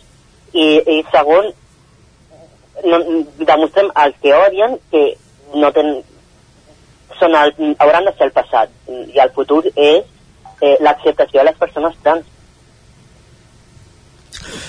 Perfecte, doncs Nico Maioles, regidor de l'Ajuntament de Vigues i Riells, primer regidor trans que encapçala una, una regidoria que forma part d'un equip de govern a, a Catalunya. Gràcies per ser avui al, al Territori 17 i explicar-nos doncs, aquesta, aquesta bona nova, aquesta situació, diguéssim, on sí. t'has incorporat a, a l'equip de govern per, i amb la idea també de treballar per, per aquest col·lectiu eh, moltes vegades, mm, diguem-ne, com a mínim oblidat, no? diguéssim, que està bé que, que es posi a la primera, a la primera pàgina de, de l'actualitat, de l'agenda. Així, així, aquest, així, així m'agrada com, dit, com ho has dit, a la primera pàgina, sí. I jo encantat de que m'hàgiu tingut aquí, eh? Perfecte, doncs moltíssimes gràcies i parlem aviat. Fins la propera. Moltes gràcies. Bon dia. Bon dia. Gràcies també, Caral, per acompanyar-nos en aquesta entrevista. Parlem més tard. Fins després. 4 minuts perquè siguin dos quarts d'onze al territori 17 continua, ja ho sabeu, després d'aquesta petita pausa que farem tot seguit, anirem a les pilades amb en Guillem Sánchez, que ja el tenim aquí a punt, passarem per la taula de redacció i anirem a l'apartat de nova economia, com cada setmana, amb la Maria López i 11.cat des de Ràdio Televisió de Cardedeu. Al tombar de les 11, més notícies. Uh, Cristina Enfruns ens acompanyarà, com cada setmana, amb paraules en català. Passarem per l'R3 amb l'Isaac Muntades des de la veu de Sant Joan i també des dels mateixos estudis de la veu de Sant Joan, Joan Garcia i Gerard Fossa ens portaran l'actualitat cinematogràfica d'aquest cap llarg cap de setmana a la cartellera del cine, com cada dijous aquí al Territori 17. I ara, com bé us dèiem, fem una petita pausa i tornem, res, en 3 minuts aquí, al vostre costat. Fins ara mateix.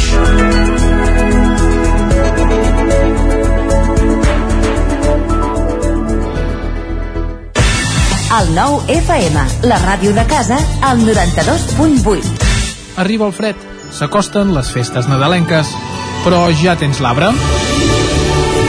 Del 4 al 12 de desembre arriba la quarantena Fira de l'Avet d'Espinelves, una de les fires més singulars de Catalunya. Vine a triar i a comprar el teu arbre de Nadal i gaudeix de l'encant d'Espinelves. Avets, exposicions, mostra d'arts i oficis i moltes més activitats. 40 anys de la Fira de l'Avet d'Espinelves. Saps què és el confort intel·ligent? És tenir un terra radiant Giacomini a casa. Benestar que no es veu, però es nota tot l'any. I que pots controlar a distància des del teu mòbil, estalviant energia i diners. Suma't al confort intel·ligent amb Giacomini. Informa't a giacomini.es o truca al 93 884 1001 i t'ajudarem a tenir un terra radiant a casa o a l'oficina. Giacomini, la climatització que et mereixes. Autoscola Montseny. Ara és el moment de fer els cursos de teòrica intensius, ràpid i eficaç. T'informarem dels PACs. Permís de moto de 16 i 18 anys i permís de cotxe. I si vens a veure'ns, tindràs un obsequi. Apunta't i no t'ho pensis més. Per més informació, Autoscola Montseny, Rambla de Vallades, número 13 de Vic. Busca'ns a Instagram i Facebook. Autoscola Montseny us desitja unes bones festes. Per a qui seria perfecte aquest piano de juguetos? Per a nens que donin la nota. I aquest maletí de pintura? Pels que volen pintar alguna cosa a la vida. Jugar és viure. I viure és jugar. Vine a la teva botiga Juguetos i emporta't el catàleg de Nadal. Juguetos, queda molt per jugar. Juguetos. Cobertes serveis funeraris. Els nostres tanatoris estan ubicats en els nuclis urbans més poblats de la comarca d'Osona per oferir un millor servei. Tanatori de Vic, Tanatori de Manlleu, Tanatori de Centelles i Tanatori de Roda de Ter.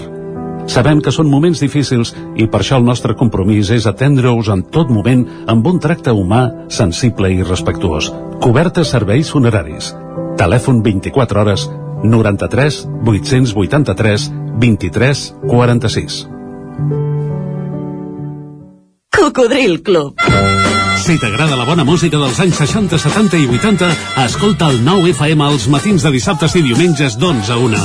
És el temps del Cocodril Club, tot un clàssic de la ràdio, amb les bases del pop-rock, les llegendes, les cançons que s'han convertit en autèntics himnes. Recorda, dissabtes i diumenges al matí, d'11 a 1, al 9 FM 92.8. Cocodril Club, el programa revival de l'Albert Malla. Hasta luego, cocodrilo. El 9 FM, el 9 FM, el 9 FM. En punt dos quarts d'onze.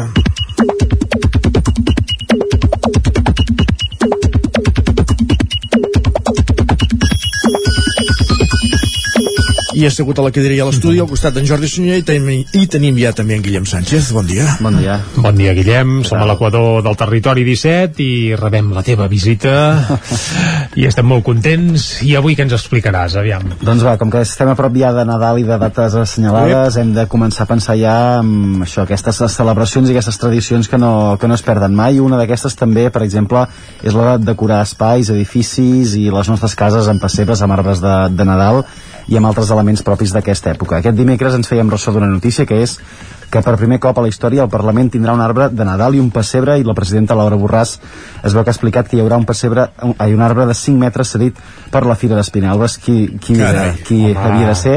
I el pessebre de la Federació Catalana de Pessebristes per tant ens alegrem molt que el primer arbre de Nadal que hi hagi al Parlament de Catalunya sigui de la, de la Fira D'Espinelves. d'Espinelves I Demà hi serem, eh, per cert. Sí, exacte, demà nosaltres físicament a Espinelves i deixa'm dir que jo també m'alegro que el pessebre que posin al Parlament sigui un pessebre entre cometes també convencional i no pas aquests invents Aquests invents que valen vegades. milionades i que serveixen només per crear polèmiques però vaja, això és un apunt personal deixo anar per aquí Una notícia que ha generat diversos comentaris, com per exemple el de jo pensava que el pessebre li feien tot l'any allà al Parlament, opinions n'hi ha de tots els gustos, o d'altres que, que són els aquests... pastorets i fan més que el pessebre També altres com quan recuperem quan recuperarem l'enterrament de la sardina, coses que importen a la gent, i ho remata l'Aleix escrivint menys mal que per les coses importants sempre hi som, som un país imparable. Bé, si més no, ens alegrem molt que l'enterrament de la sardina esperem recuperar-lo pel Carnaval de l'any que ve. Exacte. Almenys a Torelló, que ve amenitzat amb orquestra i música en viu i tot. Perfecte. La sensafònica. Ara, ara.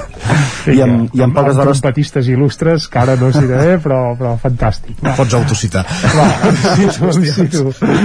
Vinga. Doncs va, i en poques hores també una altra tradició per aquestes dates, començarà el Mercat Medieval de, de Vic, de fet serà demà si no vaig errat, oi? Sí, però avui ja està tot empantanegat, eh? Però sí, sí, en principi, no, no Dissabte, demà, no? sinó dissabte. El dia oficial és dissabte, però és que, bé, ja hi ha mig centre de Vic, entre cometes, empantanegat i potes en l'aire. Pensa que si fins ara teníem els estudis enmig del mercat, ara els tenim a dins, perquè ens, ens envoltarem, quedarem vorejats.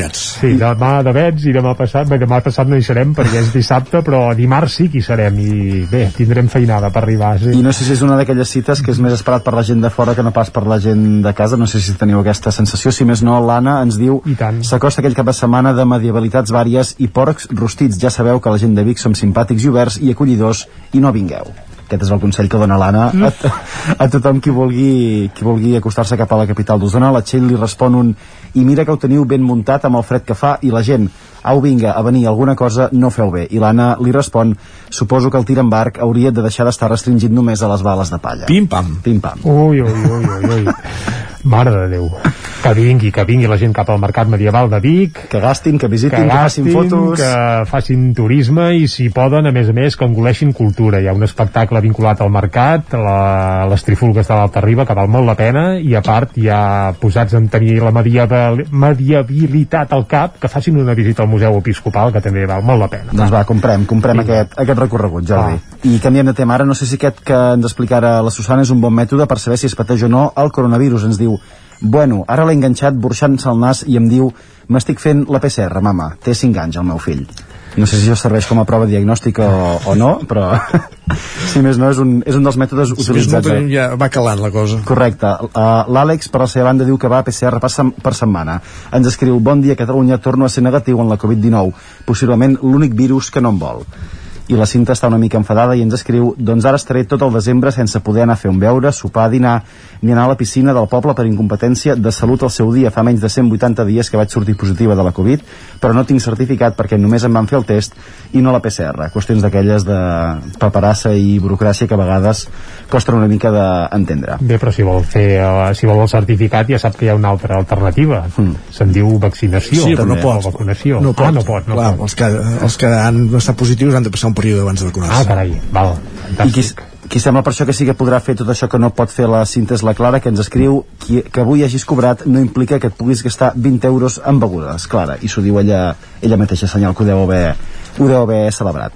Segur. I quan acaba l'any també és moment de fer rànquings, llistes i resums, com aquests dies amb les cançons més escoltades, per exemple, a Spotify. La Nana ens escriu gent que es passa tot l'any escoltant música que no li agrada per poder-se fer l'interessant quan es publica els top de l'Spotify i en Jordi li respon en conec de pitjors, gent que paguem l'Spotify cada mes i tenim una llista de 20 cançons i escoltem sempre les mateixes, confirmo que surt bastant car Doncs jo confirmo que es poden comprar discos També. físics i escolta el disc convencional com s'ha fet tota la I vida escoltar i ja el està. que li doni la gana a cadascú sense prejudicis. Només faltaria, i tant que sí. Molt bé, que escoltes, per cert, tu, Guillem, ara mateix? Jo sóc molt de Fito. Fito? Soc Ara, clar. Fito, jo. Bé, torna, eh? Bueno, ja ho saps, no? Ja estàs al cas, eh? Estem al cas. doncs, doncs va, vinga. I molta Ah, sort demà cap a Espinelves, també. Gràcies. Home, no vindràs? Uh, no estic convocat, però m'ho estic pensant encara. Home, aquí convidem a tothom, eh? No cal convocacions ni... És, és obert, és a l'aire lliure. Hi ha caliu, hi ha... bé, caliu no ho sabrem, però segur que sí, va. Molt bé, Guillem. Isaac, fem un cop d'ull a les portades del 99.cat. Ràpidament, comencem pel Vallès Oriental. Ara mateix obre explicant que Salut reactiva el punt de vacunació de la Covid a Corró de Vall. També que el ciclista Marc Brustenga és persona de l'any a Santa Eulàlia de Ronçana i que el Besòs, el riu Besòs, està totalment recuperat, excepte per les poblacions de peixos dos anys després de l'incendi de Ditexa. Suposo que recordeu aquelles imatges amb el riu vaja, traient foc, literalment, amb flames. Doncs sembla que en dos anys ja s'hauria recuperat. Això sí, la població de peixos no ha tingut la mateixa sort que la qualitat de l'aigua. Anem a l'edició d'Osona i el Ripollès, que ara mateix obre explicant que els contactes de persones contagiades amb la variant Omicron hauran de fer quarantena encara que estiguin vacunats, una de les novetats que s'ha fet pública bé, ahir a la nit, i que els cultivadors d'arbres de Nadal augmenten un 20% les vendes per la pandèmia i l'aposta pels avets ecològics. Per tant, sembla que la pandèmia hauria favorit els productors d'avets de Nadal, d'això en parlarem també demà des d'Espinelves. Gràcies, Jordi. Anem a la taula de redacció.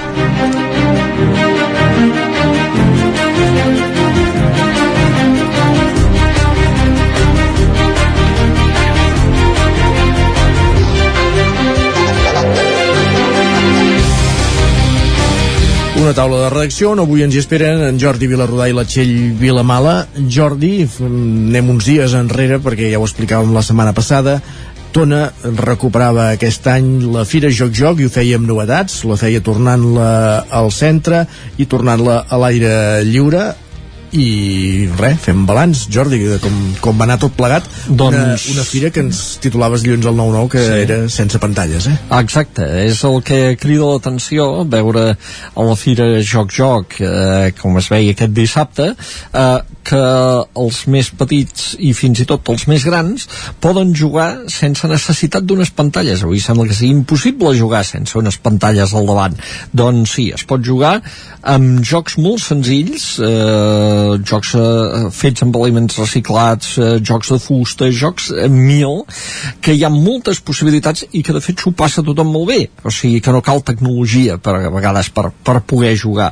Eh, i, i això és el que demostra d'alguna manera la Fira Joc Joc que porta 30 anys, perdó, 20 anys de, de, de trajectòria, que és hereva de l'antiga fira del Passeta de Tona i que d'alguna manera aquest any recuperava eh, la presència del carrer, perquè els últims anys s'havia fet el pavelló, era una fórmula doncs una mica eh, discutida per alguns perquè semblava doncs, que li treia una mica aquesta, aquesta essència que havia tingut, no?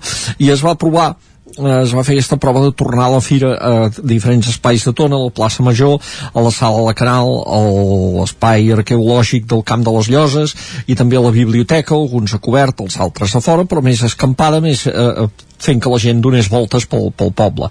A la plaça Major i la plaça 1 d'octubre també, i va funcionar molt bé la veritat és que va ser eh, malgrat que el dia no acompanyava gaire i que també hem de recordar que desgraciadament el dissabte el dia que passava tot això a Tona era el dia que es havia conegut la mort la nit abans d'un jove al castell. Eh, mm, un accident malaurat doncs, que després va, va fer que es decretessin dos dies de dol però el dissabte que tot just havia conegut això es va desenvolupar la fira. Eh, la fira doncs, va reunir una trentena d'expositors de companyies algunes que es dediquen a això que es dediquen a jocs, també a crear jocs, a proposar jocs, eh, que alguns poden ser tan senzills com eh, eh, les baldufes de fusta i la seva evolució, alguns poden ser també tan senzills com bicicletes reciclades eh, a, a, a través de les quals doncs, es creen diferents jocs, que era el que proposava la gent de Guixot de 8, aquests històrics tonencs que, eh, encapçalats per en Joan Rovira, que des de fa molts anys es dediquen a això, a recuperar materials i a partir d'aquests crear jocs, no?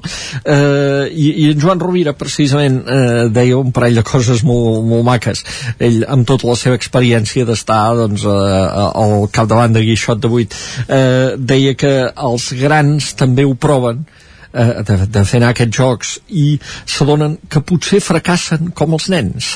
Eh, no és tan senzill una cosa tan senzilla. I una altra cosa que ens deia també que deia que eh, una de les gràcies d'aquests jocs és que uns ensenyen als altres, és dir, que a vegades tu arribes allà amb un joc, no saps ben bé com funciona el mecanisme i després el que l'ha utilitzat abans t'ho explica i es crea també una relació social al voltant del, del joc, no? Uh -huh. eh, i, I veies ben bé que això realment funcionava així.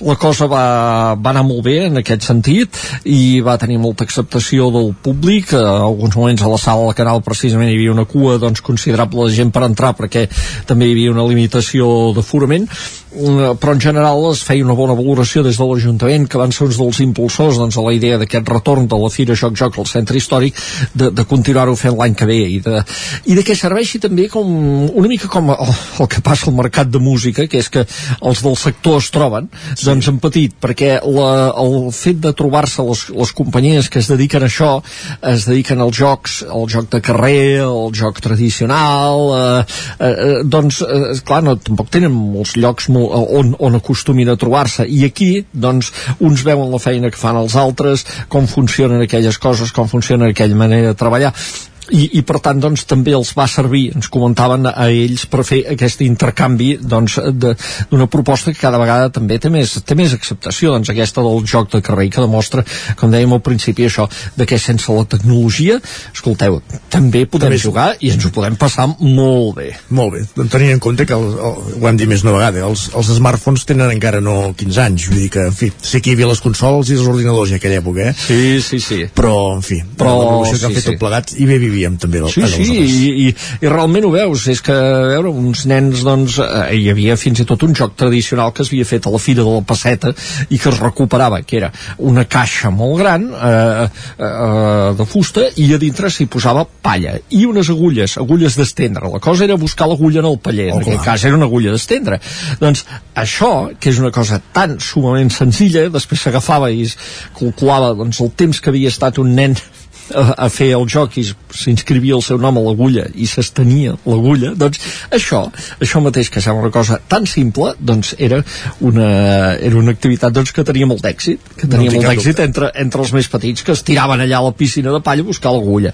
Doncs coses d'aquestes. Això era la Fira Joc Joc de Tona. Va ser dissabte. Gràcies, Jordi, per dissabte. ser aquí avui i explicar-nos-ho.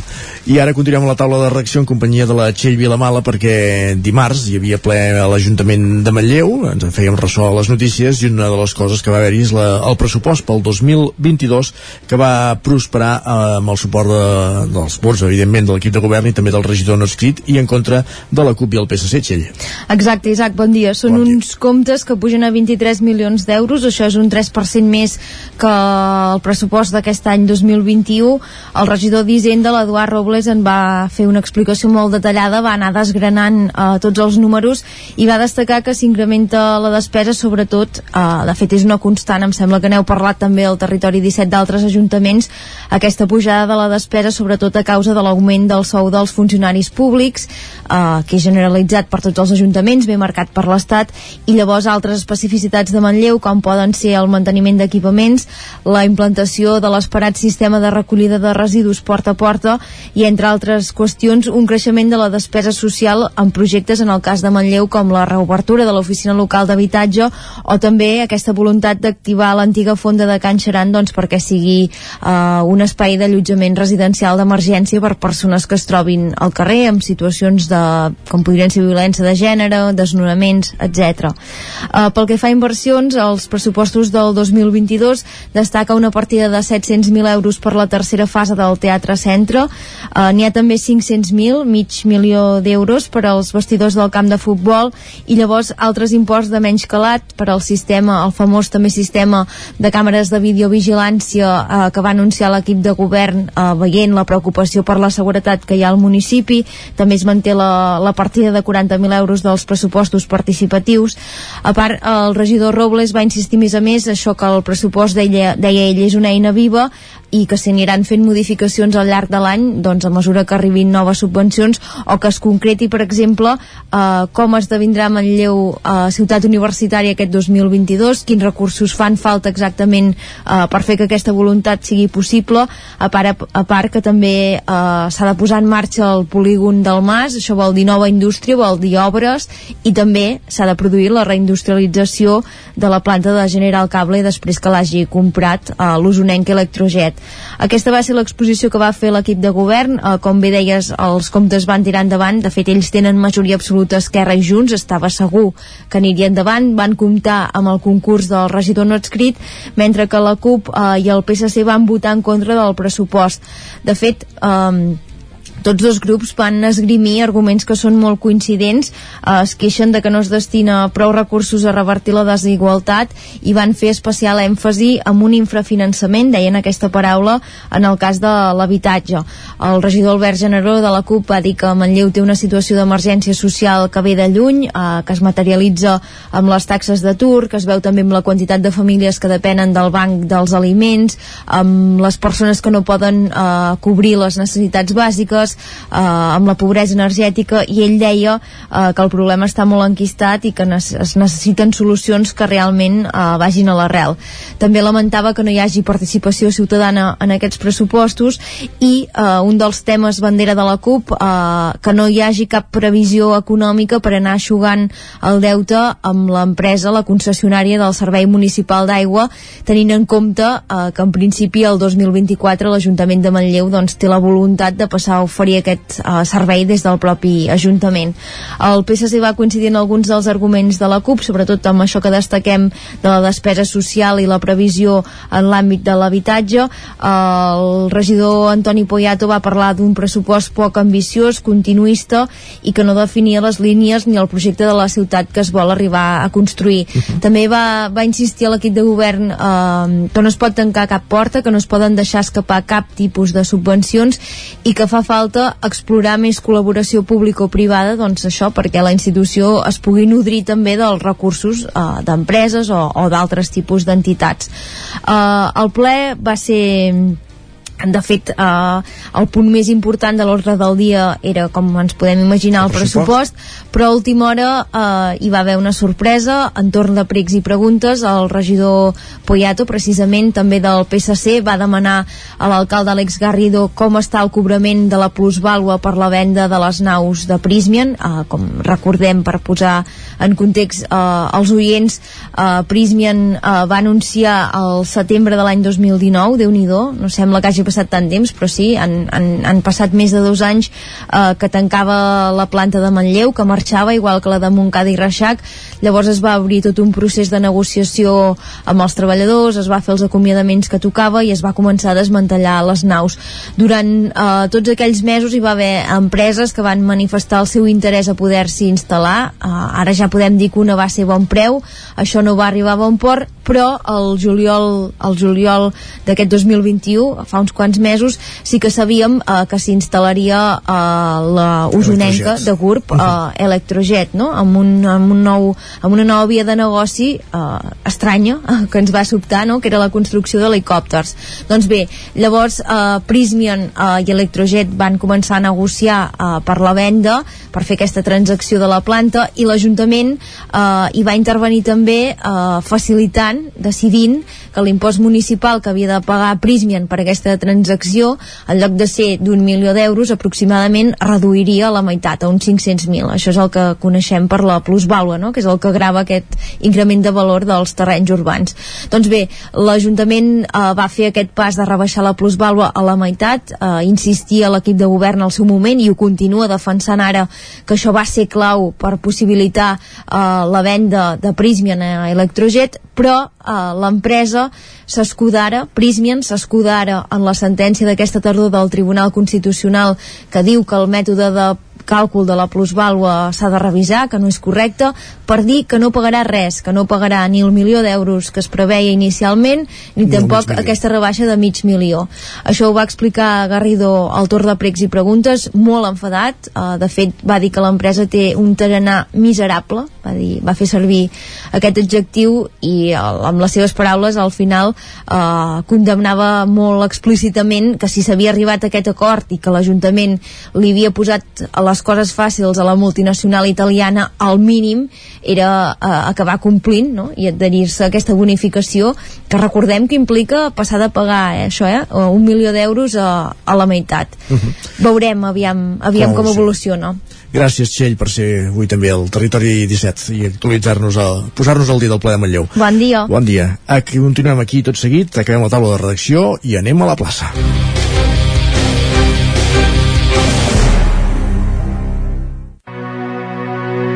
Territori 17 El nou FM, la veu de Sant Joan, Ona Codinenca, Ràdio Cardedeu, Territori 17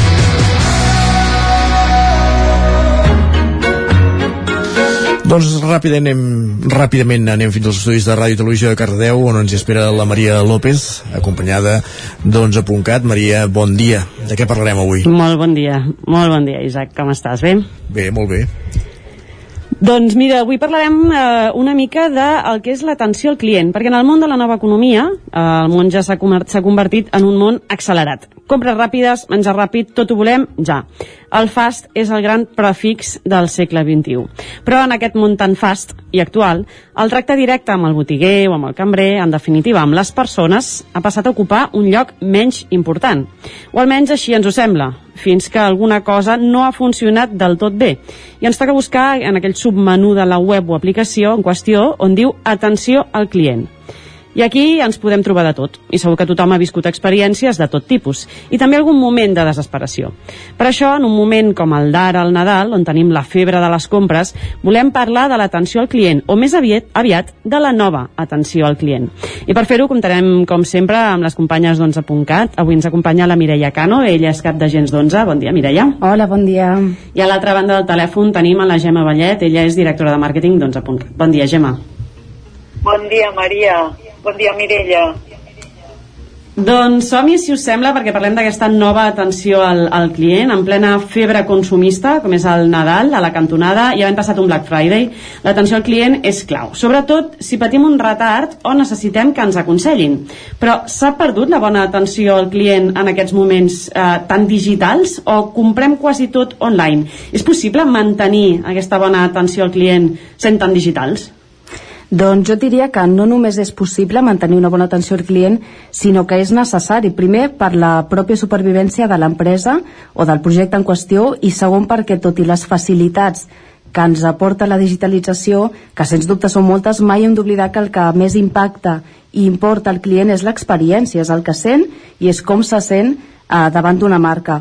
I sí que és cert que en els últims anys hi ha hagut un canvi de tendència en l'atenció al client i en part perquè en posicions on fa anys teníem una persona doncs ara hi tenim una màquina però quasi, quasi que jo et situaria més a l'arrel del problema més que la digitalització el model de negoci que han propiciat grans empreses i multinacionals sobretot on els, es valora més els resultats i els números que l'experiència del client no? i passa a un segon o un tercer pla i, i de fet si penseu en qualsevol botiga, com deies, qualsevol botiga de barri, independents de tota la vida o fins i tot projectes nous i en filosofia local, veiem que tots aquests tipus de negoci eh, posen el filtre que estan treballant pel client, no? estan fent un jersei, cuinant menjar o donant assessorament per comprar un producte i ho fan pensant en el client, no? i en aquest context les eines digitals no només eh, poden ajudar-te a arribar-hi més, sinó que poden ajudar a arribar millor.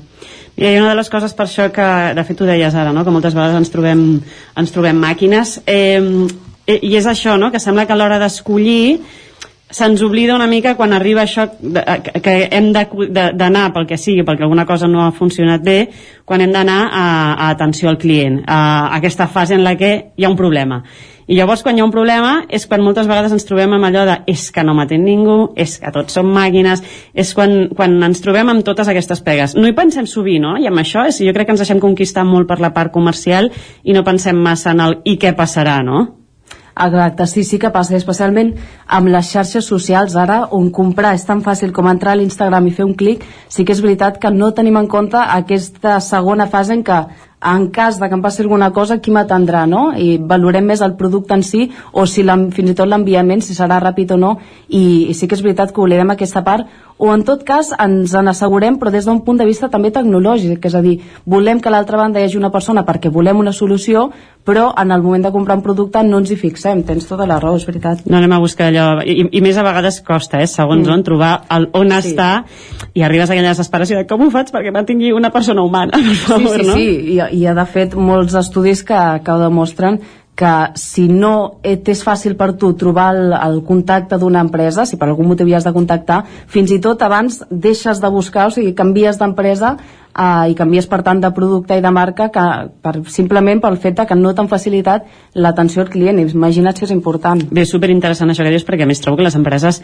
ho haurien de tenir molt en compte, no? en el sentit de dir, suposo que el, el fer-se càrrec de les queixes no és no és agradable, és la part menys agraïda dintre de qualsevol empresa, però realment, si, si el que dius tu, el simple fet de que no, es fa, no ningú t'atengui això, acabes canviant de companyia, uh, mm. jo crec que un gran exemple d'aquest, no sé si ha canviat massa els últims anys, però amb les companyies de telefonia passava molt, que realment uh, les atencions, potser hi havia com molta diferència no? entre l'atenció a l'hora de vine a la nostra companyia i l'atenció quan una cosa fallava era com, era com sí. molt exagerat i, i diferenciat. Eh, Mireia, fa tots uns dies, a través dels mitjans, ens arribava la notícia de que els ministeris de Consum i d'Afers Econòmics han arribat a un acord. I és que s'acaba d'anunciar que els bancs estaran obligats a atendre 24 hores als seus clients.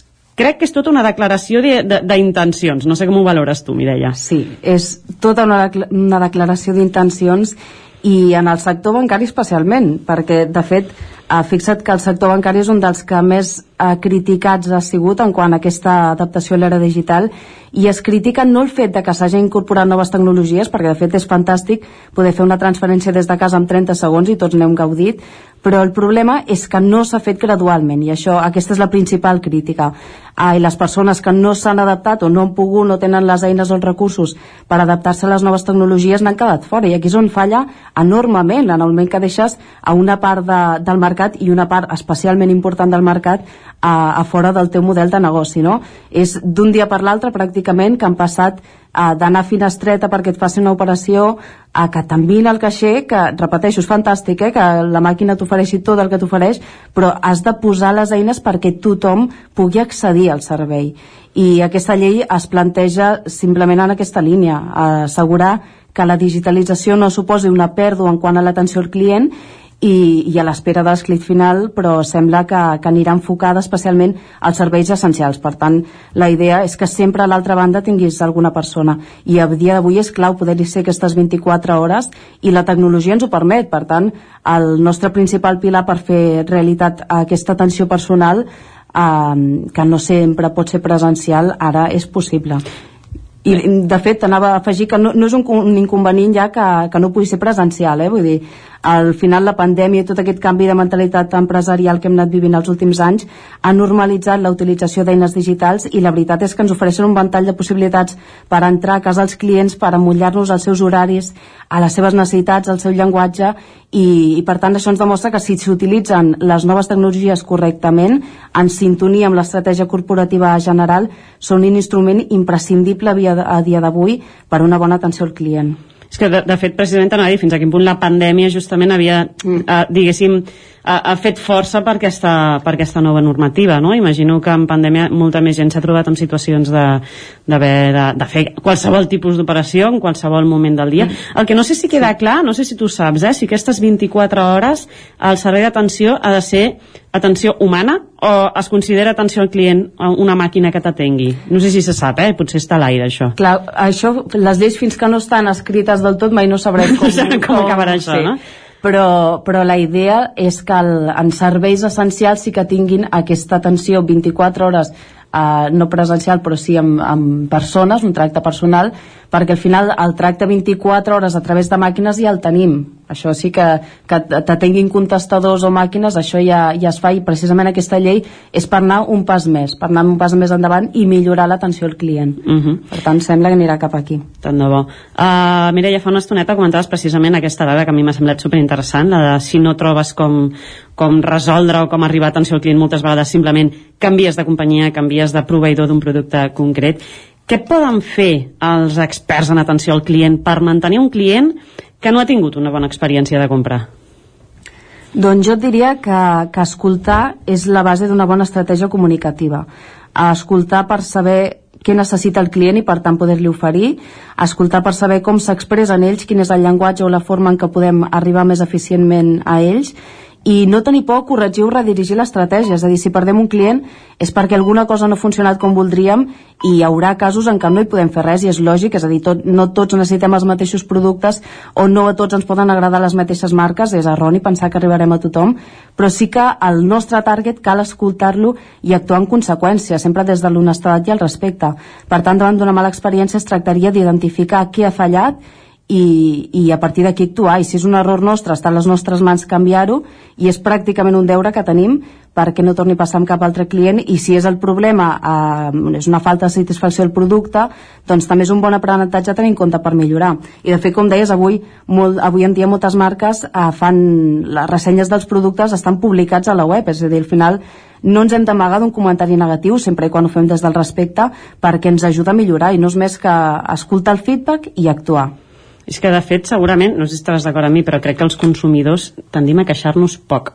Que hi ha molt la sensació de de què servirà, no? I, i mm, de què serveix la queixa i abans de d'alguna manera deixar clar eh, això ha fallat, això ha fallat i això ha fallat, el que deies tu, marxes, abandones mm. i, i jo crec que, que mm. deu haver les dues coses, no? Segurament el consumidor li costa queixar-se perquè és un, un desgast emocional no? Mm. de perseguir un lloc per dir això no m'ha agradat i suposo que des de les companyies el que dèiem, tampoc és agradable anar escoltant les queixes, no? Llavors, mm, mm. si tens dues persones que no tenen ganes d'escoltar, al final la, la cosa té mal final, eh? Sí, per part de les empreses no és agradable, però és necessari, eh? tal com dèiem, i, i en quant als, als consumidors és veritat que és un desgast que normalment no el fas, però si et fixes en, en ressenyes, en, per exemple en Google Maps ara, que amb de restauració ens guiem molt per les estrelletes o la ressenya que, que posen altres, bueno, empreses de roba també, ens guiem bàsicament, com que comprem tant online ens, ens hi basem molt en ressenyes. I, i fixa't que hi posen més comentaris negatius que positius és a dir, si has de perdre el temps per posar comentaris ho fas quan estàs realment enfadat mm. saps? Hi ha situació en què, en, que, en què és perquè el que ve després el client que s'hi ve després eh, no s'hi trobi però hi ha altres situacions en què tu per circumstància X has tingut mala experiència i, i trobes el canal o des de, des de la mateix enfadament trobes la manera d'expressar-te de, de, per tant aquí el doble sentit, eh? que no ens agrada queixar-nos, però quan anem a parlar amb una empresa normalment sí, quan, quan fem constància, quan, quan ens posem a perdre el temps, sí. en tot cas serà per queixar-nos. Sí. Això també m'ho he explicat. Mi germana que havia treballat molts anys en màrqueting de roba i tal, m'explicava sí que no, no sabria dir les proporcions, eh? però que de, de cada uh, no sé quants clients satisfe satisfets et feia una bona ressenya, un, en canvi només cada 7 clients no satisfets ja tenies una ressenya negativa no? Exacte. llavors realment l'esforç positiu havia de ser molt més gran perquè algú deixés constància de que feies un bon, sí. un bon servei uh, i els clients fins a quin punt tenen uh, dret a rebre una bona atenció al client no sé si hi ha una regulació en aquest sentit els clients tenen tot el dret al món, de fet. Sí que tenen dret a rebre una bona atenció al client i en lleis com la que comentàvem abans es demostra, igual com es demostra en la llei de protecció de dades o en altres mesures que intenten protegir el client.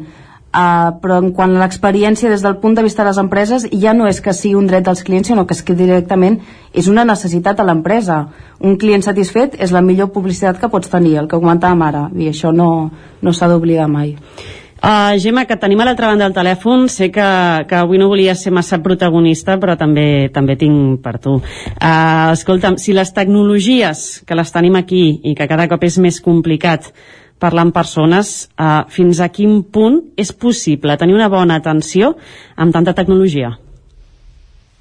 És possible. Sí, la, te la, te la tecnologia la que hem de pensar és que ens ha d'ajudar com a persones, a ser millor persones. Eh? Llavors hem de posar la tecnologia al servei de les persones.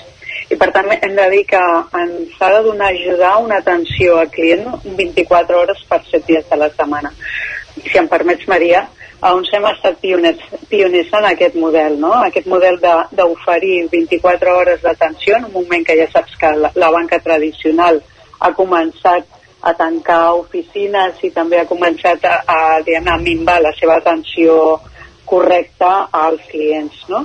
Llavors hi ha una tecnologia... De fet, aquí a Territori 17 sempre ens anem enterant d'aquests tancaments d'oficines, oi, Gemma? Que sempre ens passa les notícies l'Isaac i sempre ens anem mirant dient, mira, un altre. Sí, sí, la, la veritat és que diem, bueno, està aquí i arrasa. Sí, és una realitat que tenim davant i la forma d'ajudar-nos a mantenir aquesta tensió és a fer un híbrid, un model híbrid entre l'atenció amb l'ajuda de tecnologia i amb l'atenció de les persones. No? Llavors, per exemple, el que està ara en, en boga és fer una barreja entre el que és el xat i ara també estem aplicant, el cas d'Onsa, hem fet fins i tot un servei que es diu Onsa Casa, que el que és és un xat amb un vídeo en directe amb la qual cosa la, pots entrar a la casa pròpia del client, entre cometes, i tenir una atenció personalitzada, no? que és una forma de, que hem tingut de, de, de parlar a les persones durant la pandèmia i per tant estem acostumats no? i podem arribar a donar aquest nivell de servei de qualitat eh, fent un híbrid entre la persona i, i, i la màquina, no? La tecnologia ens està entrant a, a, a les persones aquesta atenció al client a casa, cosa que també facilita moltíssim. Arribem a 5 minuts, passant 5 minuts de les 11 del matí, arribem al final de la plaça, però Gemma, abans de penjar-nos la trucada, digue'ns de què parlarem dijous vinent a la plaça. Del teu tema favorit, les criptos. Parlem de la Les criptos? I dius favorit perquè sóc una inexperta total que estic experimentant, tinc repartidets quatre cosetes per tres monedes i tinc moltes ganes que algú m'ensenyi uh, què nassos estic fent amb aquestes criptomonedes. Així que uh, tornarem dijous vinent aquí a la plaça per parlar de les criptomonedes. Moltíssimes gràcies, Gemma, i moltíssimes gràcies, Mireia, per acompanyar-nos avui. Gràcies Gràcies, ciao. Gràcies a tu, Maria, també doncs, un dia més per ser amb nosaltres a la plaça per portar-nos aquesta secció de nova economia i parlem, si no abans, dimarts.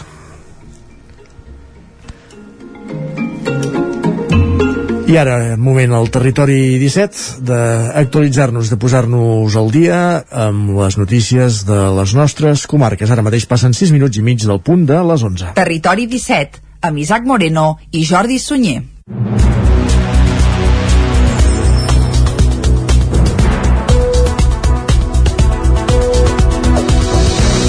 El ple de l'Ajuntament de Manlleu ha aprovat el pressupost per l'any vinent de 23,1 milions d'euros, un 3% més que el d'aquest any. Entre les principals inversions destaquen 700.000 euros per la tercera fase del teatre. L'equip de govern va tenir el suport del regidor no escrit i els vots contraris del PSC i la CUP. Amb els vots a favor de l'equip de govern d'Esquerra i Junts per Catalunya i del regidor no adscrit, el ple de l'Ajuntament de Manlleu aprovava aquest dimarts el pressupost del 2022. És de 23,1 milions d'euros, un 3% més que el de l'exercici actual. En la seva intervenció el regidor de Serveis Econòmics, Eduard Robles, remarcava que més de tres quartes parts de la despesa corresponen al personal i als serveis, que el pressupost recull la implantació de la recollida de deixalles porta a porta i també l'increment de la despesa social.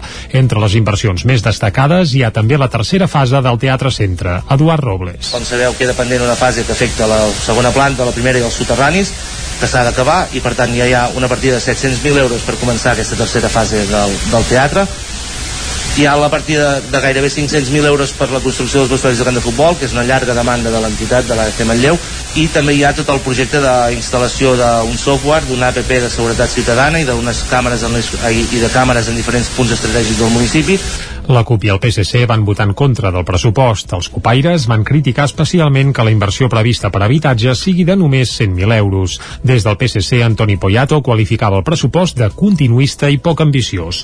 Escoltem a Albert Generó, de la CUP, i Antoni Poyato, del PSC. Si no hi fem una aposta molt més decidida de la que s'està fent, eh, en base a possibles subvencions que arribin al llarg de l'any, evidentment eh, eh, farem petits passos però ens quedarem en el, en, el, en el mateix problema que tenim i que repeteixo que fa molts anys que, que, que passa a la nostra població en aquest punt discrepem profundament des del nostre punt de vista, els tres eixos que haurien de marcar un pressupost són l'atenció a les persones, la reactivació econòmica i el manteniment de l'espai públic. I en els pressupostos que se'ns han presentat aquests eixos no els veiem per enlloc. El regidor no adscrit, Francisco Zambrana, va votar favorablement al pressupost, considerant, però, que s'haurien de destinar més recursos a l'àrea social i també a la policia local. El Consell d'Europa demana al govern espanyol explicacions sobre les amenaces que ha rebut el periodista moianès Xavier Rius. Caral Campàs, des d'Ona Codinenca. La Safety of Journalism Platform és un organisme del Consell d'Europa que vetlla per la seguretat dels periodistes i promou la llibertat de premsa. Ara aquest organisme ha demanat explicacions al govern espanyol arran d'una denúncia presentada als Mossos d'Esquadra per aquest periodista després de rebre amenaces via Twitter mentre apareixia el programa Equipo d'Investigació de la Sexta. Xavier Rius explica les amenaces rebudes. El divendres de l'altra setmana eh, se sortia el programa Equipo d'Investigació de la Sexta que parlaven del grup Ultra Bastion Frontal, això el divendres dia 19, i mentre anàvem matent el programa, doncs un conte que es deia Iron the God, doncs em anava fent comentaris sobre el programa, no? Sobre la sexta, que va sobre... Això dir, sobre el programa. Soc allà, tuiteja Xavi Rius Maricón, Xavi Rius te vamos a matar Rius és un periodista i escriptor especialitzat en els moviments d'extrema dreta. De fet, no és la primera vegada que ha rebut amenaces relacionades amb la seva feina com a periodista. Després de rebre el suport de diferents plataformes de periodistes a escala estatal, ara ha arribat el de la Safety of Journalists Platform. Rius espera que el ressò serveixi perquè la denúncia no quedi arxivada enmig del procés judicial. Quan, quan Twitter o els informàtics de Mossos aconsegueixin saber la IP o l'origen o el mail o el telèfon vinculat a aquest compte de Twitter que s'ha fet doncs possiblement es podrà identificar la persona que probablement podria ser de fora de Catalunya, de Madrid. Bé, això llavors entraria si eh, es va acabar un procés, un procés penal si és un menor o no és un menor i no ho sé, pot, pot suposar que s'ho prenguin més en sèrio, senzillament. Xavier Rius és periodista independent que col·labora amb diversos mitjans i també ha publicat diversos llibres relacionats amb els moviments d'extrema dreta. De fet, a principis del 2022 arribarà a les llibreries Els Ultras són aquí, on analitza el pas de l'extrema dreta de Plataforma per Catalunya a Vox. Aquest dimecres 1 de desembre era el Dia Mundial de la Sida. A Catalunya més de 33.000 persones conviuen amb el VIH. El Consorci Hospitalari de Vic ne tenen 400. Aquest any en fa 40 de la detecció del primer cas de Sida a Catalunya. El Consorci Hospitalari de Vic atén uns 400 pacients amb VIH, el virus que causa la Sida.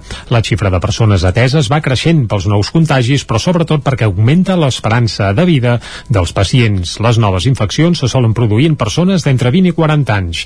El major volum de nous contagis és en homes homes homosexuals i en els casos de persones heterosexuals, una part important de les infeccions són en nouvinguts.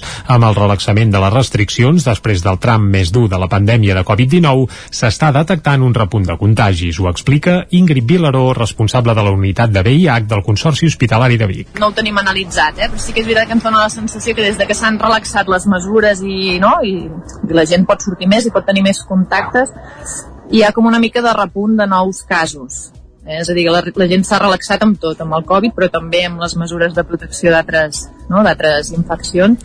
El Pla d'Acció contra el VIH que ha aprovat la Generalitat, coincidint amb la commemoració del Dia Mundial de la Sida, posa una èmfasi especial en la lluita contra l'estigma i la discriminació associades a la malaltia, ho explica Ingrid Vilaró. Perquè puguin acceptar com, no? com qui té diabetis, com qui té hipertensió, com qui té qualsevol altra malaltia, es pugui veure d'aquesta manera, però els malalts els hi costa encara, sí, sí. Se senten encara en part rebutjats, no?, per, a la feina, tenen problemes de feina alguns. El govern català es fixa ara l'objectiu anomenat 95-95-95 de cara a l'any 2025. Tot plegat vol dir que el 95% de persones infectades del VIH ho han de saber, han d'estar en tractament i haurien de tenir també la càrrega viral indetectable. Ripoll presenta totes les activitats de Nadal amb un val per gastar als comerços, un calendari de béns sobre patrimoni i la Fira de Nadal. Isaac Muntades, des de la veu de Sant Joan. Aquest dimarts, les regidores de l'Ajuntament de Ripoll de Comerç, Fires i Mercats i de Cultura i Festes, Manoli Vega i Montsina Llimó, respectivament, van presentar la campanya Ripoll Bateca per Nadal, en què van detallar totes les activitats que es faran aquest mes de desembre i a principis de gener coincidint amb les festes nadalenques. Per començar, des de l'àrea de promoció econòmica s'ha tornat a impulsar la targeta Nadal, que se n'imprimiran 500 còpies i es podran sol·licitar fins al 20 de desembre a l'oficina de turisme, al Museu Etnogràfic i a la piscina municipal i puntualment a la caseta de Nadal de la plaça de l'Ajuntament. Per cada 100 euros que es gastin en comerços de Ripoll se'n donaran 10 de regal. Des de l'1 de desembre fins al 8 de gener, per cada 10 euros que es gastin se segellarà una casella de la targeta i abans de la data límit s'haurà d'entregar on es va sol·licitar per gaudir d'un val que es podrà gastar fins al 28 de febrer en establiments locals. L'altra iniciativa que s'impulsarà és el calendari d'advent del patrimoni de Ripoll amb 24 finestretes que contindran monuments, paisatges o objectes típics de Ripoll Ripoll, com la portalada del monestir Sant Miquel de la Roqueta o els Gegants. El calendari es repartirà per les escoles pels nens de P5 fins a quart de primària i els nens que s'allotgin en hotels de Ripoll. El calendari tindrà un retallable per participar en un sorteig al gener. Per entrar-hi caldrà trobar els aparadors dels establiments adherits a la imatge que apareix a cada finestra. Vega també va explicar dues iniciatives més. A partir del 22 de desembre i fins al 5 de gener tindrem el trenet. El trenet que tenim a l'estiu, però que ara mm, farà una altra funció que serà la d'anar als tres centres més comercials que tenim aquí a Ripoll, el centre, la carretera de Barcelona i el carrer Progrés, de barri en barri a, a fer les compres. I per l'altra banda, com a novetat, i també amb la regidoria de cultura el que hem fet és unes estovalles per entregar als bars i restaurants de Ripoll amb l'agenda tant cultural com de fires com d'activitats que hi haurà doncs, durant tots aquests dies. Hem fet 14.000, hi ha un codi QR perquè el que fem és, a vegades a l'hora de tancar l'agenda, no tenim totes les activitats tancades i llavors amb el QR el que fem és anar-les actualitzant. Pel que fa a les activitats de Nadal, la nova Unió de Botiguers, rebatejada com a Ripoll Comerç, organitzarà la Fira de Nadal, que es farà a partir d'aquest divendres a la tarda i tot el cap de setmana amb un format molt més extens amb la plaça de l'Ajuntament i Abat Oliva com a epicentre, amb atraccions, parc infantil i animació pel centre de la vila. La comissió de Reis ja es prepara per a la cavalcada, mentre que la nova comissió de festes amb una quinzena de membres estan preparant la festa de Cap d'Any, que tornarà al pavelló. Hi haurà quintos de Nadal el 25 de desembre i el 6 de gener i el concert de Nadal el dia de Sant Esteve a l'església de Sant Pere. Els dies 27 i 28 es farà el ripijoc i l'única cosa que ja s'ha descartat són els pastorets perquè s'han de preparar amb antelació hi ha massa interacció entre persones i nens i els darrers brots sorgits a les escoles conviden a la prudència. Gràcies, Isaac. I un últim minut per explicar que la colla gegantera La Patufa de Llinars del Vallès, premiada per 10 anys de cultura, festa i tradició. Aquest cap de setmana s'ha tancat la temporada amb la celebració de la vuitena edició del Festival Bestiarium a Tortosa. Núria Lázaro, des de Ràdio Televisió de Cardedeu. Les colles de bestiari català sota el paraigües de l'agrupació del bestiari festiu i popular de Catalunya han tancat la temporada amb la celebració de la vuitena edició del Festivitas Bestiarium. Tortosa ha acollit l'esdeveniment exercint de capital cultural catalana. El president de l'entitat, Mateu Tres, ha assenyalat que s'ha tancat un any condicionat encara per la pandèmia que ha comportat la pèrdua de massa social d'algunes de les agrupacions de bestiari català. En el marc de la trobada s'han fet diversos reconeixements per l'aposta envers el bestiari català i l'entrega dels Premis Best, tant a empreses com a particulars que treballen per assegurar la continuïtat de les colles de bestiari del país. Així mateix s'ha valorat la tasca realitzada per diverses agrupacions amb aquest mateix objectiu. Així, l'Associació Amics de Montornès, de la Pobla de Montornès, s'ha endut el primer premi. El segon premi ha recaigut en l'Associació Botafocs de Castelló de la Plana i el tercer premi ha estat per la colla gegantera La Patufa de Llenes del Vallès per la festa 10 anys de cultura, festa i tradició. Gràcies, Núria. Acabem aquí aquest repàs informatiu.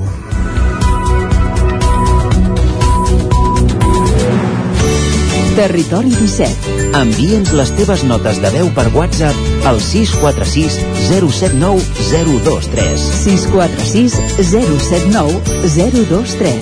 WhatsApp Territori 17.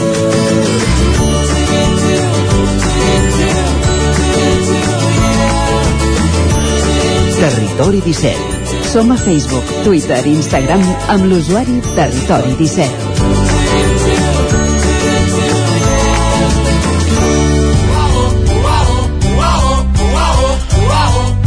Passen gairebé 18 minuts de les 11, 3 minuts d'un quart de 12 i és moment de parlar de paraules amb la Cristina Enfruns com cada, cada dos dijous. Cristina, bon dia. Bon dia. Com estem? Bé, bé, bé. Què ens expliques avui? Va, avui, abans d'anar a la paraula de, que ens toca, Sí. volia fer un parell de punts relacionats amb el coronavirus, dos termes que aquestes setmanes són molt freqüents. En primer lloc, Omicron, eh? aquesta nova variant, pensem que és una paraula esdrújula, per tant, ha d'anar en minúscula i sense marca tipogràfica. Per tant, no podem dir uh, Omicron, eh? sinó que l'hem de fer uh, així, uh, esdrújula. Omicron, eh? Òmicron. amb, amb Oh, O oberta. Amb l'accent obert a l'O. Com que és una paraula que ara surt molt, doncs que tant per tant uh, la diguem bé. Una altra que també eh, ha sortit molt aquestes últim, aquests últims dies és el famós passaport Covid.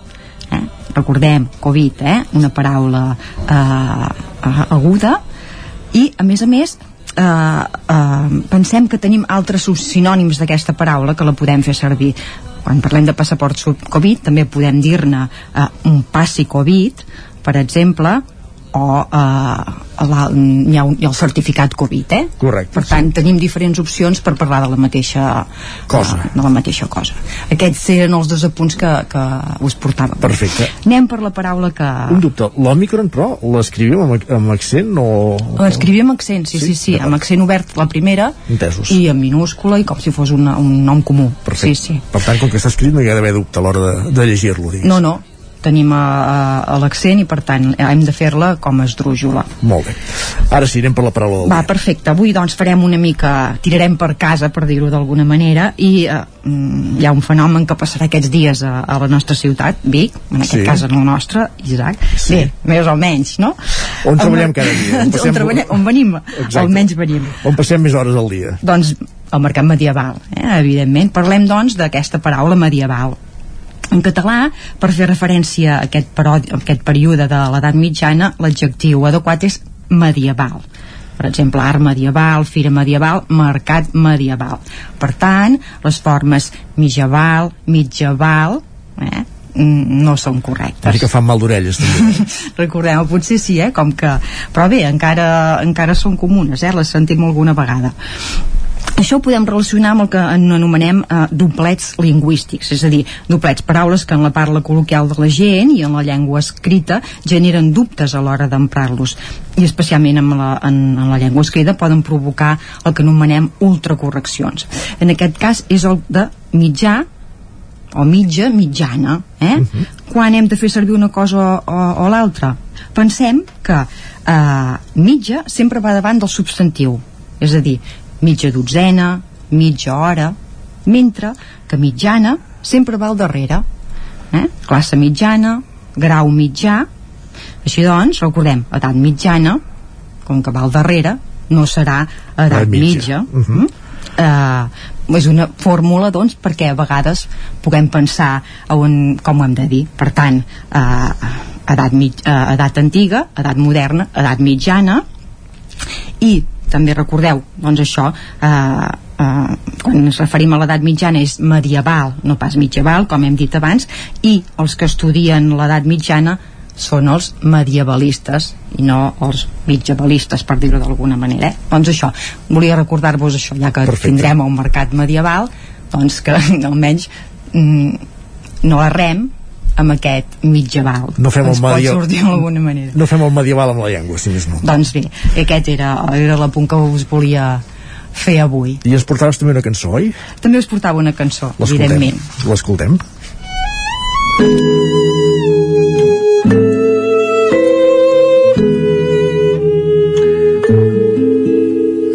Cau el sol de sora baixa dins l'horitzó damunt la mar rissada dels avions cau el sol de sora baixa vermell i calent amb sala i merengada la pell. Els penyes segats i una pluja suau de pols estel·lar cau el sol de sora baixa i plàcidament la gent es dutxa i omple els carrers. Cau sol de sora baixa dins el meu cor. Tothom s'estima i jo estim tothom. Falla la corrent les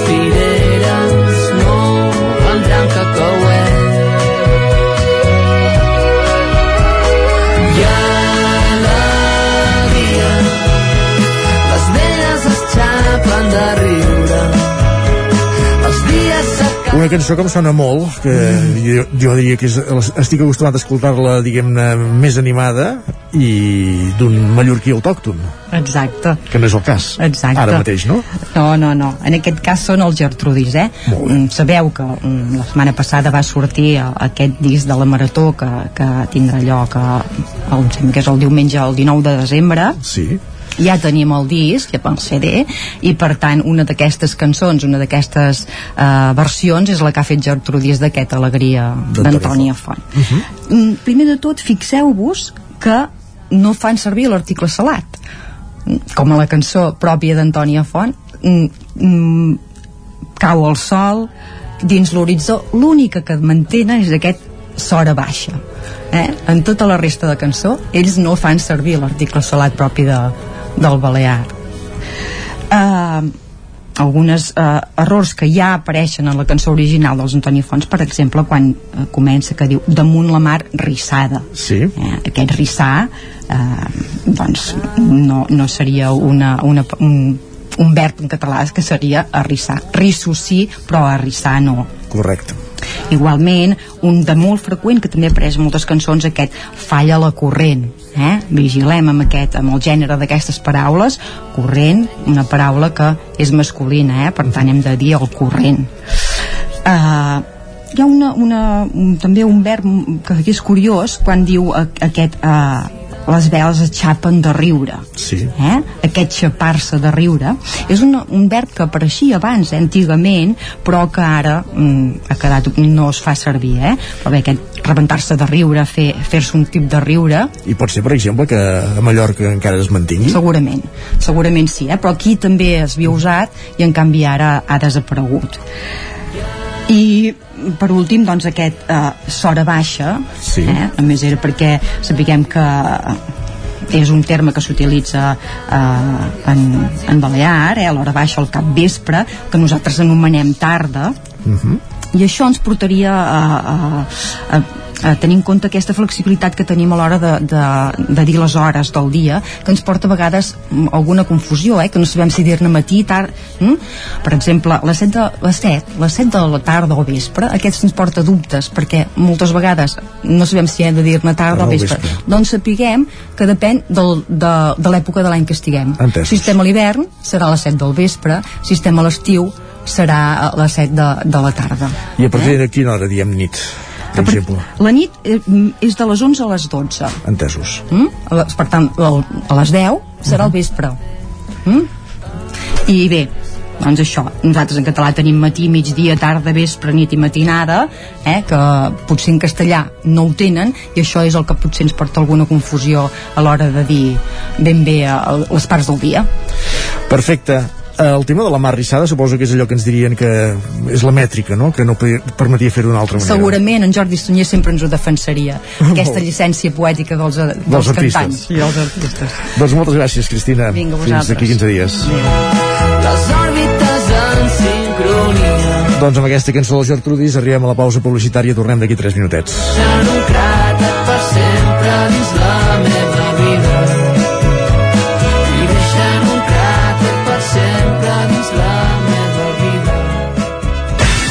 9 FM, la ràdio de casa, al 92.8.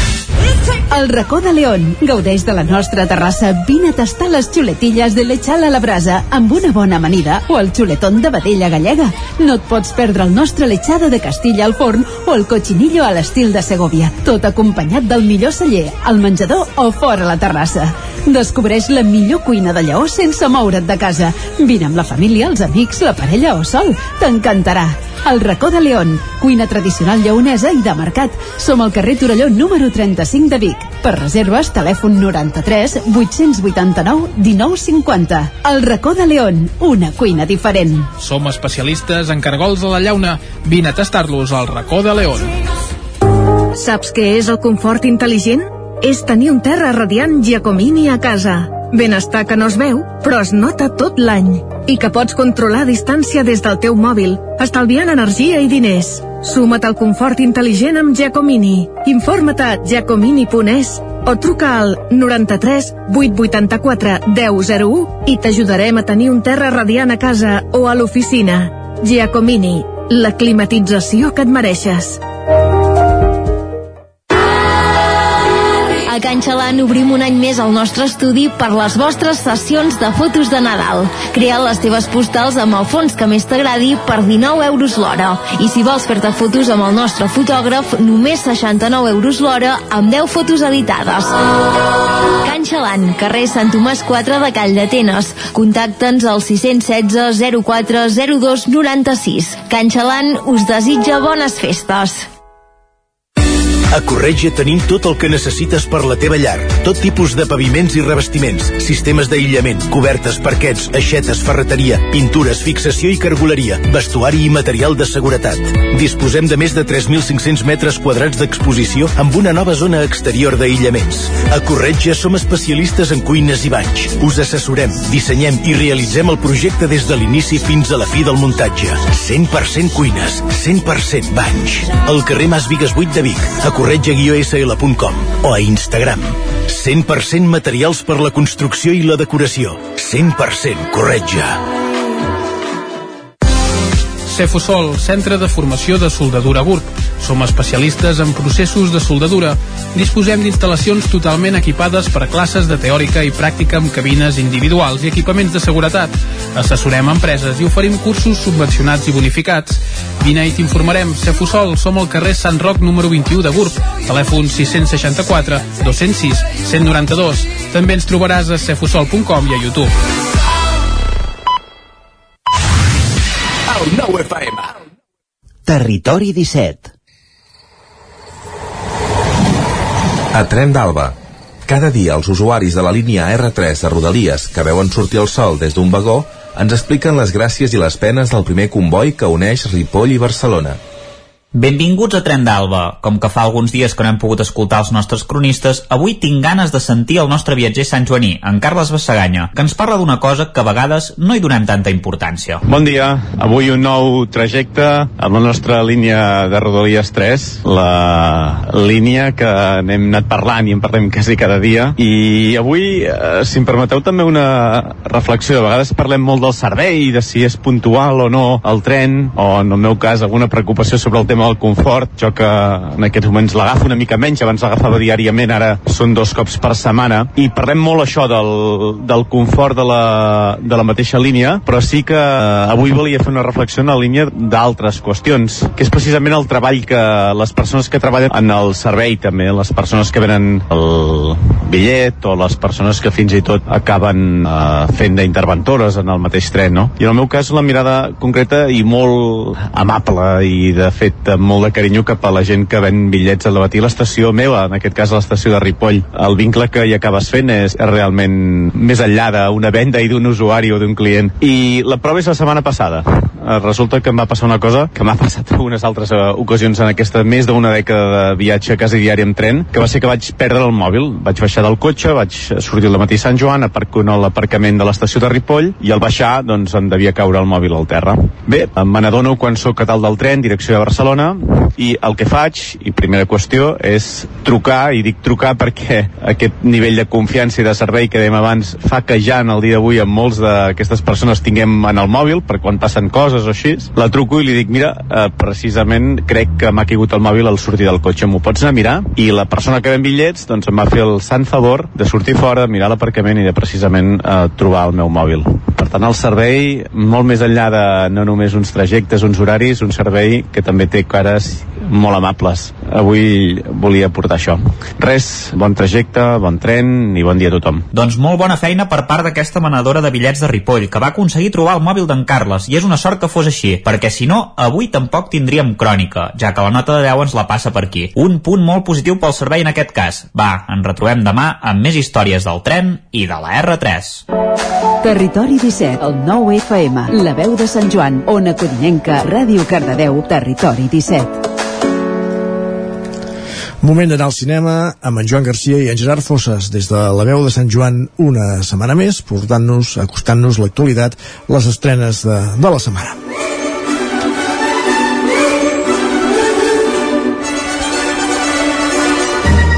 Com sempre amb aquesta música, moment de saber què fan al cinema aquest cap de setmana i de fer-ho com sempre amb en Gerard Fosses. Hola Gerard. Hola, què tal? Bé, com estàs? Bé, molt bé, una mica millor del refredat ja. Me n'alegro. Eh, T'he escoltat com et traies els mocs just abans de, de començar la secció. Allò... I, i, i algun més sortirà, suposo. avisa, avisa i paro, paro el micròfon. Vale. Uh, en tot cas això, déu nhi quina quantitat. Uh, com tenim de quantitat i de qualitat als cinemes aquest cap de setmana? Home, doncs ho tenim bastant bé. I a més a més ve amb una petició que, que demanaves tu fa, no sé si fa una setmana o dues mm. però aquest cap de setmana tenim Blockbuster. Oh, mira, veus? a més a més hi ha, hi ha, hi ha Pont de la Puríssima i, i és, són diversos dies de festa que la gent pot anar al cinema. Per tant és una bona data per, per estrenar pel·lícules d'aquestes amb caràcter més taquiller. Mm. i a més a més aquesta ve amb nostàlgia perquè estem parlant d'una seqüela de Caçafantasmes 2 aquest cop titulada Caçafantasmes més enllà. Me acuerdo de Apocalipsis 6.12 Cuando abrí el sexto sello, oí y hubo un gran terremoto. El juicio final.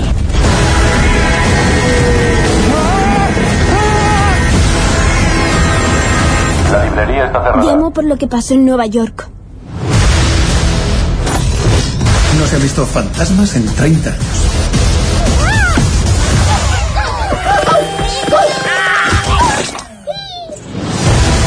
Caram, i a més a més amb, amb, ells, amb ells coneguts, eh?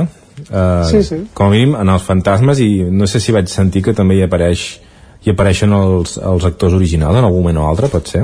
Uh, sí, estan per allà amb uh, Bill Murray i Dan Aykroyd, com a mínim. Mm -hmm. uh, que, Hi ha un de mort, no? Em sembla, dels originals, diria. Sí, el, el Harold Ramis, que, que de fet és l'alma mater de, dels caçafantasmes juntament amb, amb Ivan Reitman, mm -hmm. uh, perquè era el guionista original, és el que es va inventar la història, i de fet la pel·lícula ja li fa el seu pertinent homenatge uh, per, per raons vàries una d'elles és perquè al final és una pel·lícula nova amb aquest, uh, aquesta mena de, de loreta o regust de, de Stranger Things no? pel, pel punt nostàlgic de fet ara em fas dubtar si un dels nens sí, ja, ja, sí, sí, sí, un, sí, sí. Things, no? un dels actors també és el protagonista o un dels protagonistes, sí doncs mira, eh, encara ho alimenta més eh, però bé, estem davant això d'una seqüela en aquest cas situada molts anys després, no? en un poble d'aquest eh, perduts de l'Amèrica profunda, eh, on viu una mare soltera amb els seus dos fills que, que comencen a descobrir eh, coses del seu avi, no? que el seu avi havia estat un, un dels caçafantasmes originals, i a partir de trobar doncs, els materials, les eines, el cotxe del seu avi, doncs es comencen a desencadenar amb diversos misteris en aquell poble que desemboquen amb, amb la necessitat d'un retorn de, dels caçafantasmes. No? Uh -huh. Uh, I és una pel·lícula així molt, molt equilibrada entre el que és el passat i el que és el present, uh, segurament per iniciar una nova franquícia, tot i que no està confirmat, ja veurem segons com funcioni a taquilla, uh, però sobretot doncs, fer tot aquest homenatge nostàlgic al que va ser Fantasmes, no? per això doncs, apareixen aquests personatges més antics, que, que Sigourney Weaver, que me l'he descuidat, també, també fa una aparició, i, i bé, és, és una mica aquest equilibri a més a més la gràcia és que el, el director d'aquesta pel·lícula és Jason Reitman que és fill de, de Ivan Reitman i és ell juntament amb, amb, Gil, amb Jill Kennan amb un company seu habitual amb qui ha escrit els guions doncs que han desenvolupat aquesta història de continuació no? Mm -hmm. I, i de fet està bé perquè és, segurament és la, la, la pel·lícula la seqüela més esperada de Caçafantasmes perquè la 2 ja va ser una mica desastre en el seu moment vull dir, no sé si la recordes però és bastant despropòsit mm -hmm. ja se'n barregen eh? quina és la primera i quina és la segona sí. la, la segona és aquella de, dels mocs roses per les clavegueres que acaben caminant amb l'estàtua de la llibertat i doncs coses. no sé ni si la vaig arribar a veure mira bé, una, una cosa bastant boja i recordem que fa poc van fer una mena de, de remake seqüela amb, amb un equip femení de, de caçafantasmes que si bé va funcionar força bé entre la crítica entre el públic no, no va tenir prou èxit i mm. aquí sembla doncs, que tornem a consolidar doncs, aquesta marca Caçafantasmes que en el seu moment va ser un gran boom en el cinema dels 80 molt bé, suposo que això, eh? La, la, la recepta deu ser la mateixa i deuen mm. barrejar moments de, de tensió i, i així com més de por, tot i que tampoc no n'hi havia molta en les no. originals i també parts més còmiques, eh? Sí, és aquesta barreja entre terror i comèdia, sobretot més, més encavalcat a la comèdia. Aquí et dic que agafa aquest punt més, més emocional, Uh, però bé, uh, està bé perquè estàs fent una cosa nova amb un material antic no? i en mm. aquesta renovació amb coses reconeixibles és on, és on hi ha una mica el to adequat um, per recuperar velles històries Molt bé, doncs Cazafantasmes més allà que es podrà veure al Cine Granollers i al Sucre de Vic uh mhm. -huh. Seguim? Uh, seguim amb la següent, que és una pel·lícula de producció espanyola de la qual no puc dir gaire res perquè sí que s'ha fet una, una preestrena però és una pel·lícula que no s'ha deixat veure gaire. Es va rodar amb bastant secretisme, no em demanis per què, eh, però segurament són manies del seu director, que és eh, Rodrigo Cortés, eh, conegut sobretot per Variet, però ja amb una àmplia trajectòria com a, com a director, i ara arriba amb una pel·lícula eh, que se situa als anys 40 a Polònia i que titula El amor en su lugar. Dos minutos para que suba el telón. Hoy se sacarán las manos de los abrigos y aplaudirán. ¡A escena! Hacen buena pareja, ¿verdad? Tenemos que hablar. Nos vamos del gueto. ¿Qué? Nos vamos del gueto tú y yo esta noche. Patrick quiere escapar. Hoy, después de la función. ¿Tú quieres escaparte con él? No. ¿Quieres quedarte aquí? No, quiero estar contigo.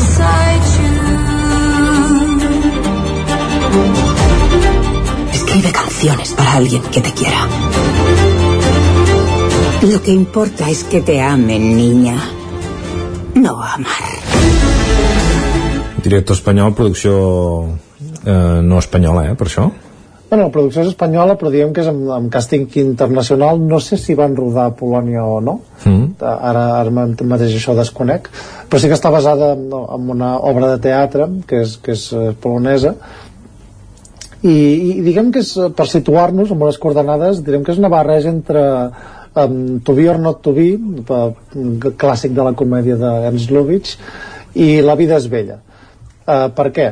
ens situem en un, en un gueto de Varsòvia a l'any 42 en el qual vivien allà més de 400.000 jueus eh, que estaven bàsicament aïllats de la societat no? més, més vivien en un gueto que estava envoltat d'unes muralles de les quals no, no podien sortir i diguem que en aquesta convivència es munta un grup de teatre eh, que, que decideix doncs, cre eh, crear una comèdia musical eh, doncs, per entretenir a les masses no? I, i reivindicar una mica això, la, la ficció, la cultura eh, com, a, com un espai d'evasió d'oblidar-te de, de la realitat i Rodrigo Cortés doncs, eh, dirigeix aquesta pel·lícula que bàsicament és també una comèdia musical amb el seu punt de drama, òbviament eh, on aquests actors, després de realitzar aquesta funció, doncs, eh, estan com al límit de decidir eh, si, si, si intenten escapar-se o no de, d'aquell gueto també valorant les seves possibilitats uh mhm. -huh. i diguem que entre aquesta història de comèdia de thriller i de romanticisme doncs es conforma això una, una història que que, que parlem sobretot de, del que deia, de, de la ficció com, com a espai d'evasió, no?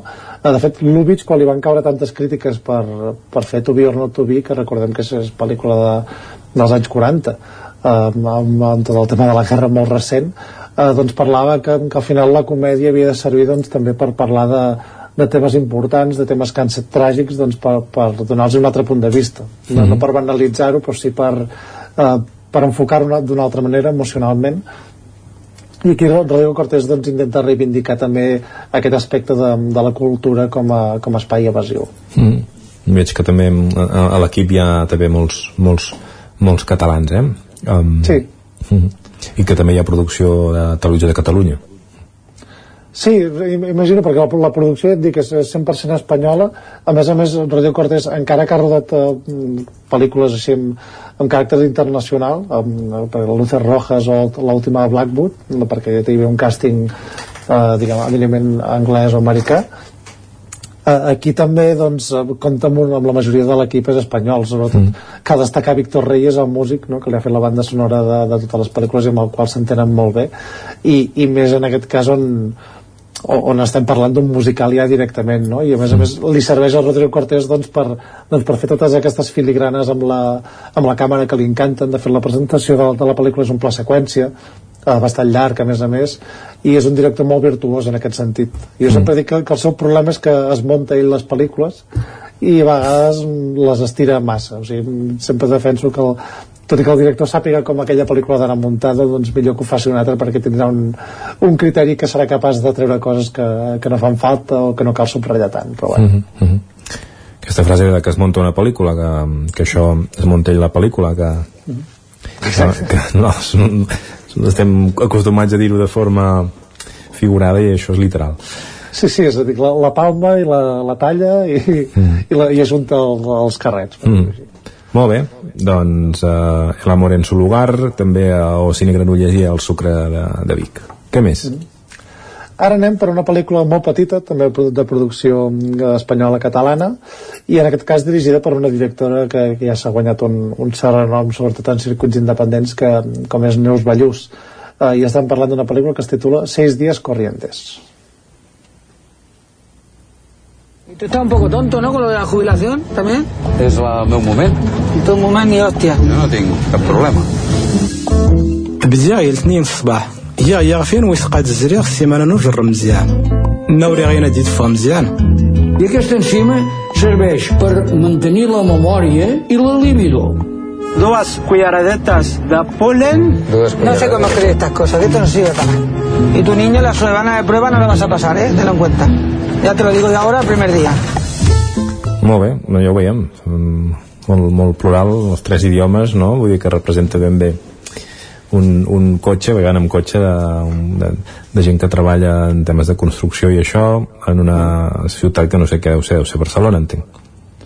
Uh, sí, no, no sé exactament, sembla que és el extraradi de Barcelona, sense especificar, um, perquè o sigui, t'explico l'estructura de la pel·lícula, són mm. seis dies corrientes perquè són sis capítols, cada un és un dia de la setmana i cada un és, és un servei que, que aquest equip que treballa per una empresa de, em sembla són lampistes, electricistes doncs fan serveis a, a domicili no? i cada capítol diguem que és aquesta situació que es dona en una casa concreta d'un client concret no? és una estructura molt simple que això en criteris de producció doncs, és bastant fàcil de rodar perquè és bastant fàcil també organitzar el rodatge mm -hmm. això ajuda molt també a fer una producció barata no? que això s'estila molt amb, amb el cinema espanyol malauradament i, i estem parlant de, a veure, de, de Neus Ballús que, que fa un cinema això molt, molt senzill uh, molt costumbrista uh, però alhora que sap retratar molt bé amb, amb sensibilitat uh, busca molt l'humanisme uh, aquesta com recerca de, de les persones de veritat no? que són la, de la varietat que hi ha a la, a la societat que vivim i, i bé, i busca molt això des de, la, des de la sensibilitat que no cal confondre amb, amb, amb, amb, la, amb, amb la voluntat de fer plorar, per dir-ho d'alguna manera, amb això d'emocionar gratuïtament, no, no, estem anant en un terreny més de, de la contemplació, eh, una mica molt a l'estil d'aquest Loach, no? que, que ha buscat sempre aquest cinema social a través de, del realisme de les classes baixes. I bé, aquesta pel·lícula es va presentar al Festival de Locarno, un gran èxit i un, un èxit que malauradament no s'ha traduït amb nominacions als Premis Goya, que ja, ja comentarem d'aquí un moment Uh, però bé, uh, pel·lícula molt recomanable, això molt petita i a la qual val la pena donar-li suport perquè és el tipus de cinema de veritat que també que, que es fa tant a Catalunya com a Espanya. Mm. Hi ha una frase a l'inici del, del tràiler que em distreu i no sé si, si és que és cert o, o és un és un joc de paraules però diuen que són una, una comèdia amb personatges reals no sé si és que eh, no són actors o, o, o simplement que un, representa que ho fan retraten tan bé a, a personatges reals que, que per això ho diu una comèdia con personatges reals, no sé. No, no, no són actors, són, són actors amateurs i de fet mantenen el, el seu mateix nom el mantenen la pel·lícula. Són Valero Escolar, Mohamed Merali i Pep Sarrià mm. són, són els tres personatges protagonistes i són els que, els que segueixen fent la pel·lícula no és un documental, eh? Mm. s'ha de dir, està tot ficcionat però passa que és gent de classe treballadora que no són actors, que els han portat a fer la, la pel·lícula mm uh, Seis dies corrientes que es pot veure el sucre de Vic i la següent només es pot veure a Granollers a l'Ocine Granollers que és Bé, i pel·lícula que es va poder veure a Vic durant el Festival Nits perquè estem parlant d'un thriller coreà que es titula Nido de víboras.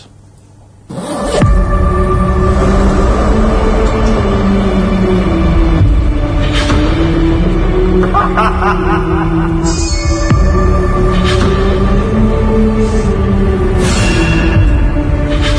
veia tràiler en, en espanyol però, però clar eh, són, són les lletres perquè de, de diàleg no n'hi ha per tant que ja directament explica'ns una mica Sí, alguna frase hi ha mm. uh, però bé, és un, és un thriller d'aquests de, de factura de Corea del Sud um, que això vol dir bàsicament molt humor negre, acció, violència no? um, sense gaires concessions amb l'espectador i, i la vull recomanar molt primer per això va ser de les pel·lícules eh, que va tenir més anomenada eh, dintre del Festival Nits, que ha tingut també més recorregut internacional, i, i és un thriller d'aquests que, que, que et sorprèn molt, perquè són moltes trames creuades, no? que comença amb un home que treballa en un spa que troba una bossa plena de diners, i a partir d'aquí doncs, eh, diferents personatges, diferents històries que es van creuant, eh, una pel·lícula que, que es cou a foc lent, i això que no deixa de sorprendre en cap moment tot, tot, i que aquest ritme diguem que eh, bastant pausat, més propi del, del cinema oriental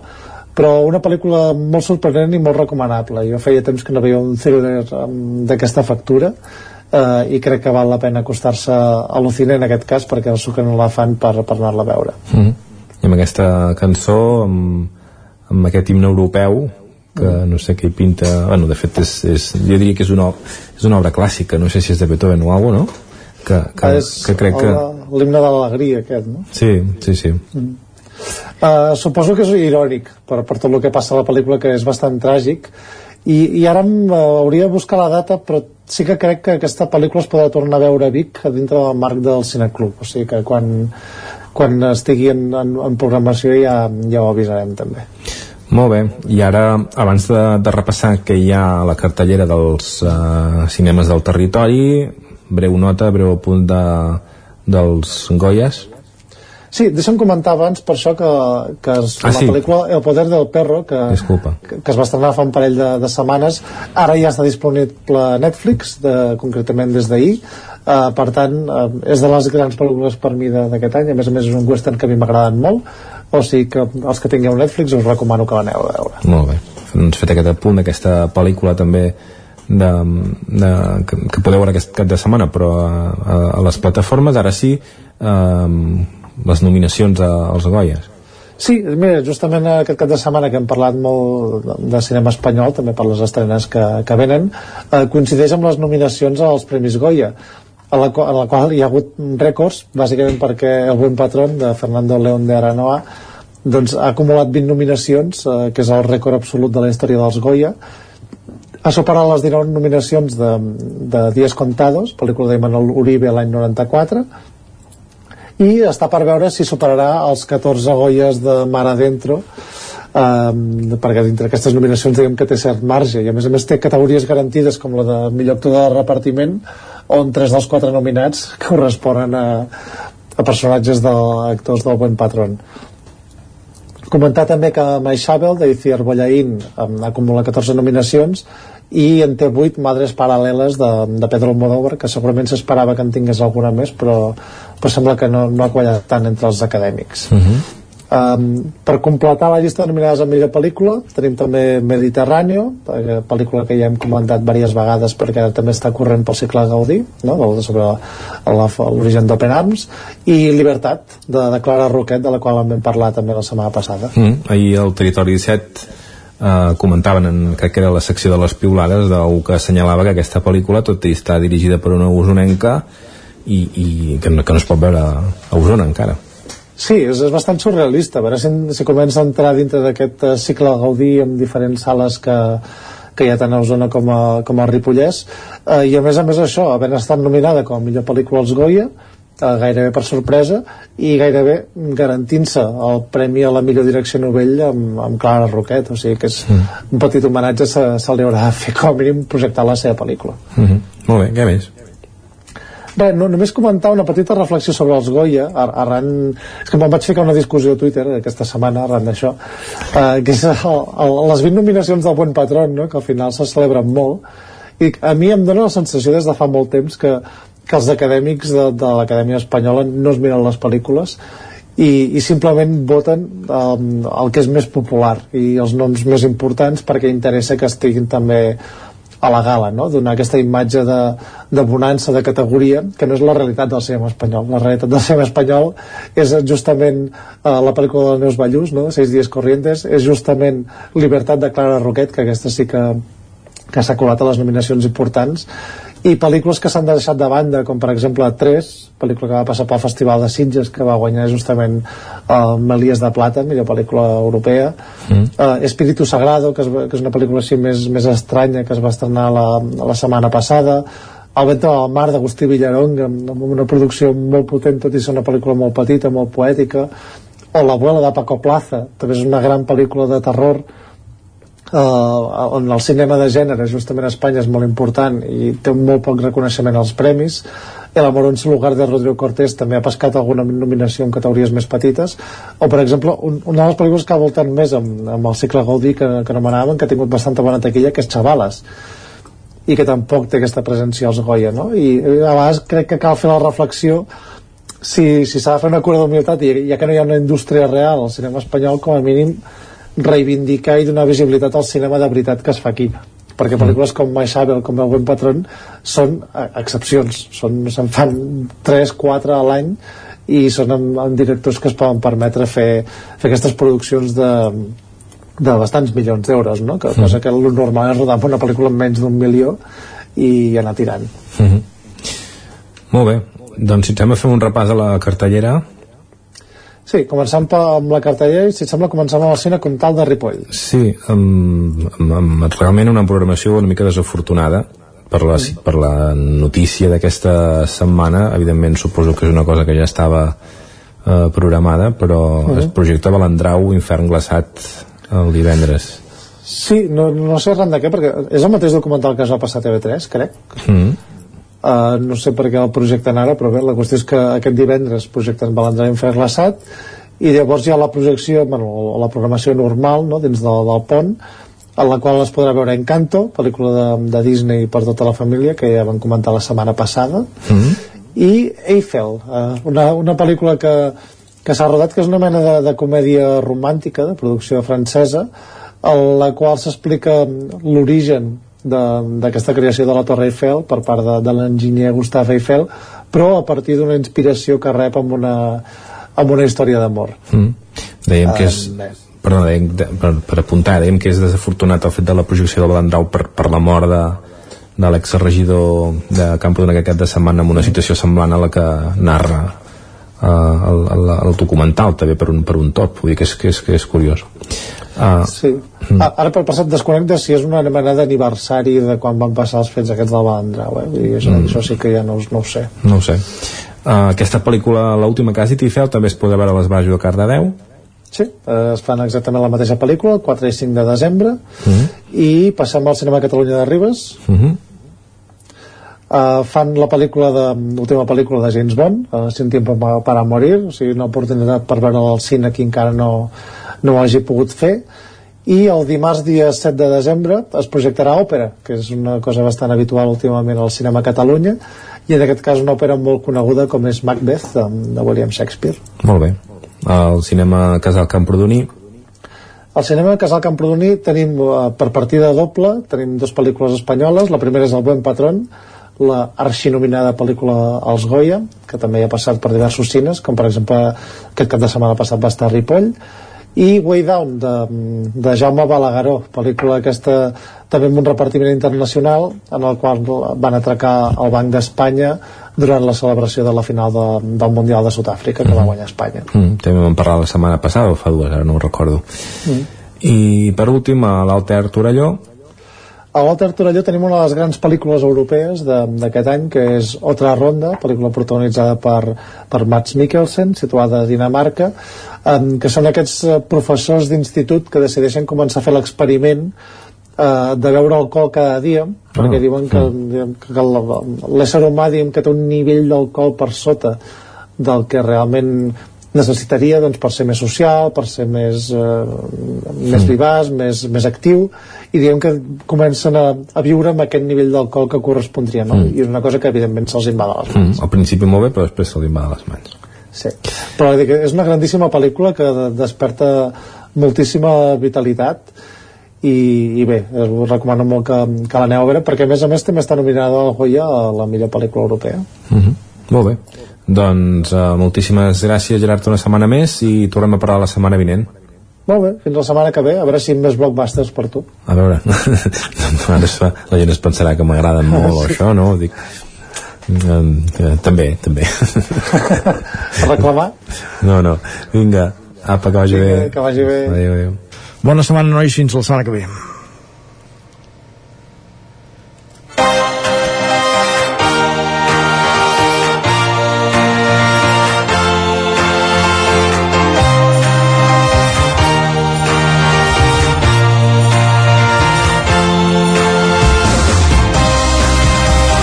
I acabem també aquí al territori 17. Us hem estat acompanyant avui des de les 9 del matí.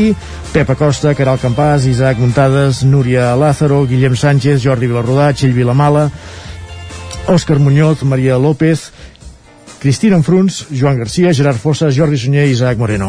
I tornem demà a les 9 del matí, com us dèiem. A partir d'aquesta hora serem a la Fira de la Vet d'Espinelves, que comença dissabte, però demà hi serem per fer caliu. A partir de les 9 del matí serem davant de l'Ajuntament d'Espinelves per fer el territori 17. Fins aleshores.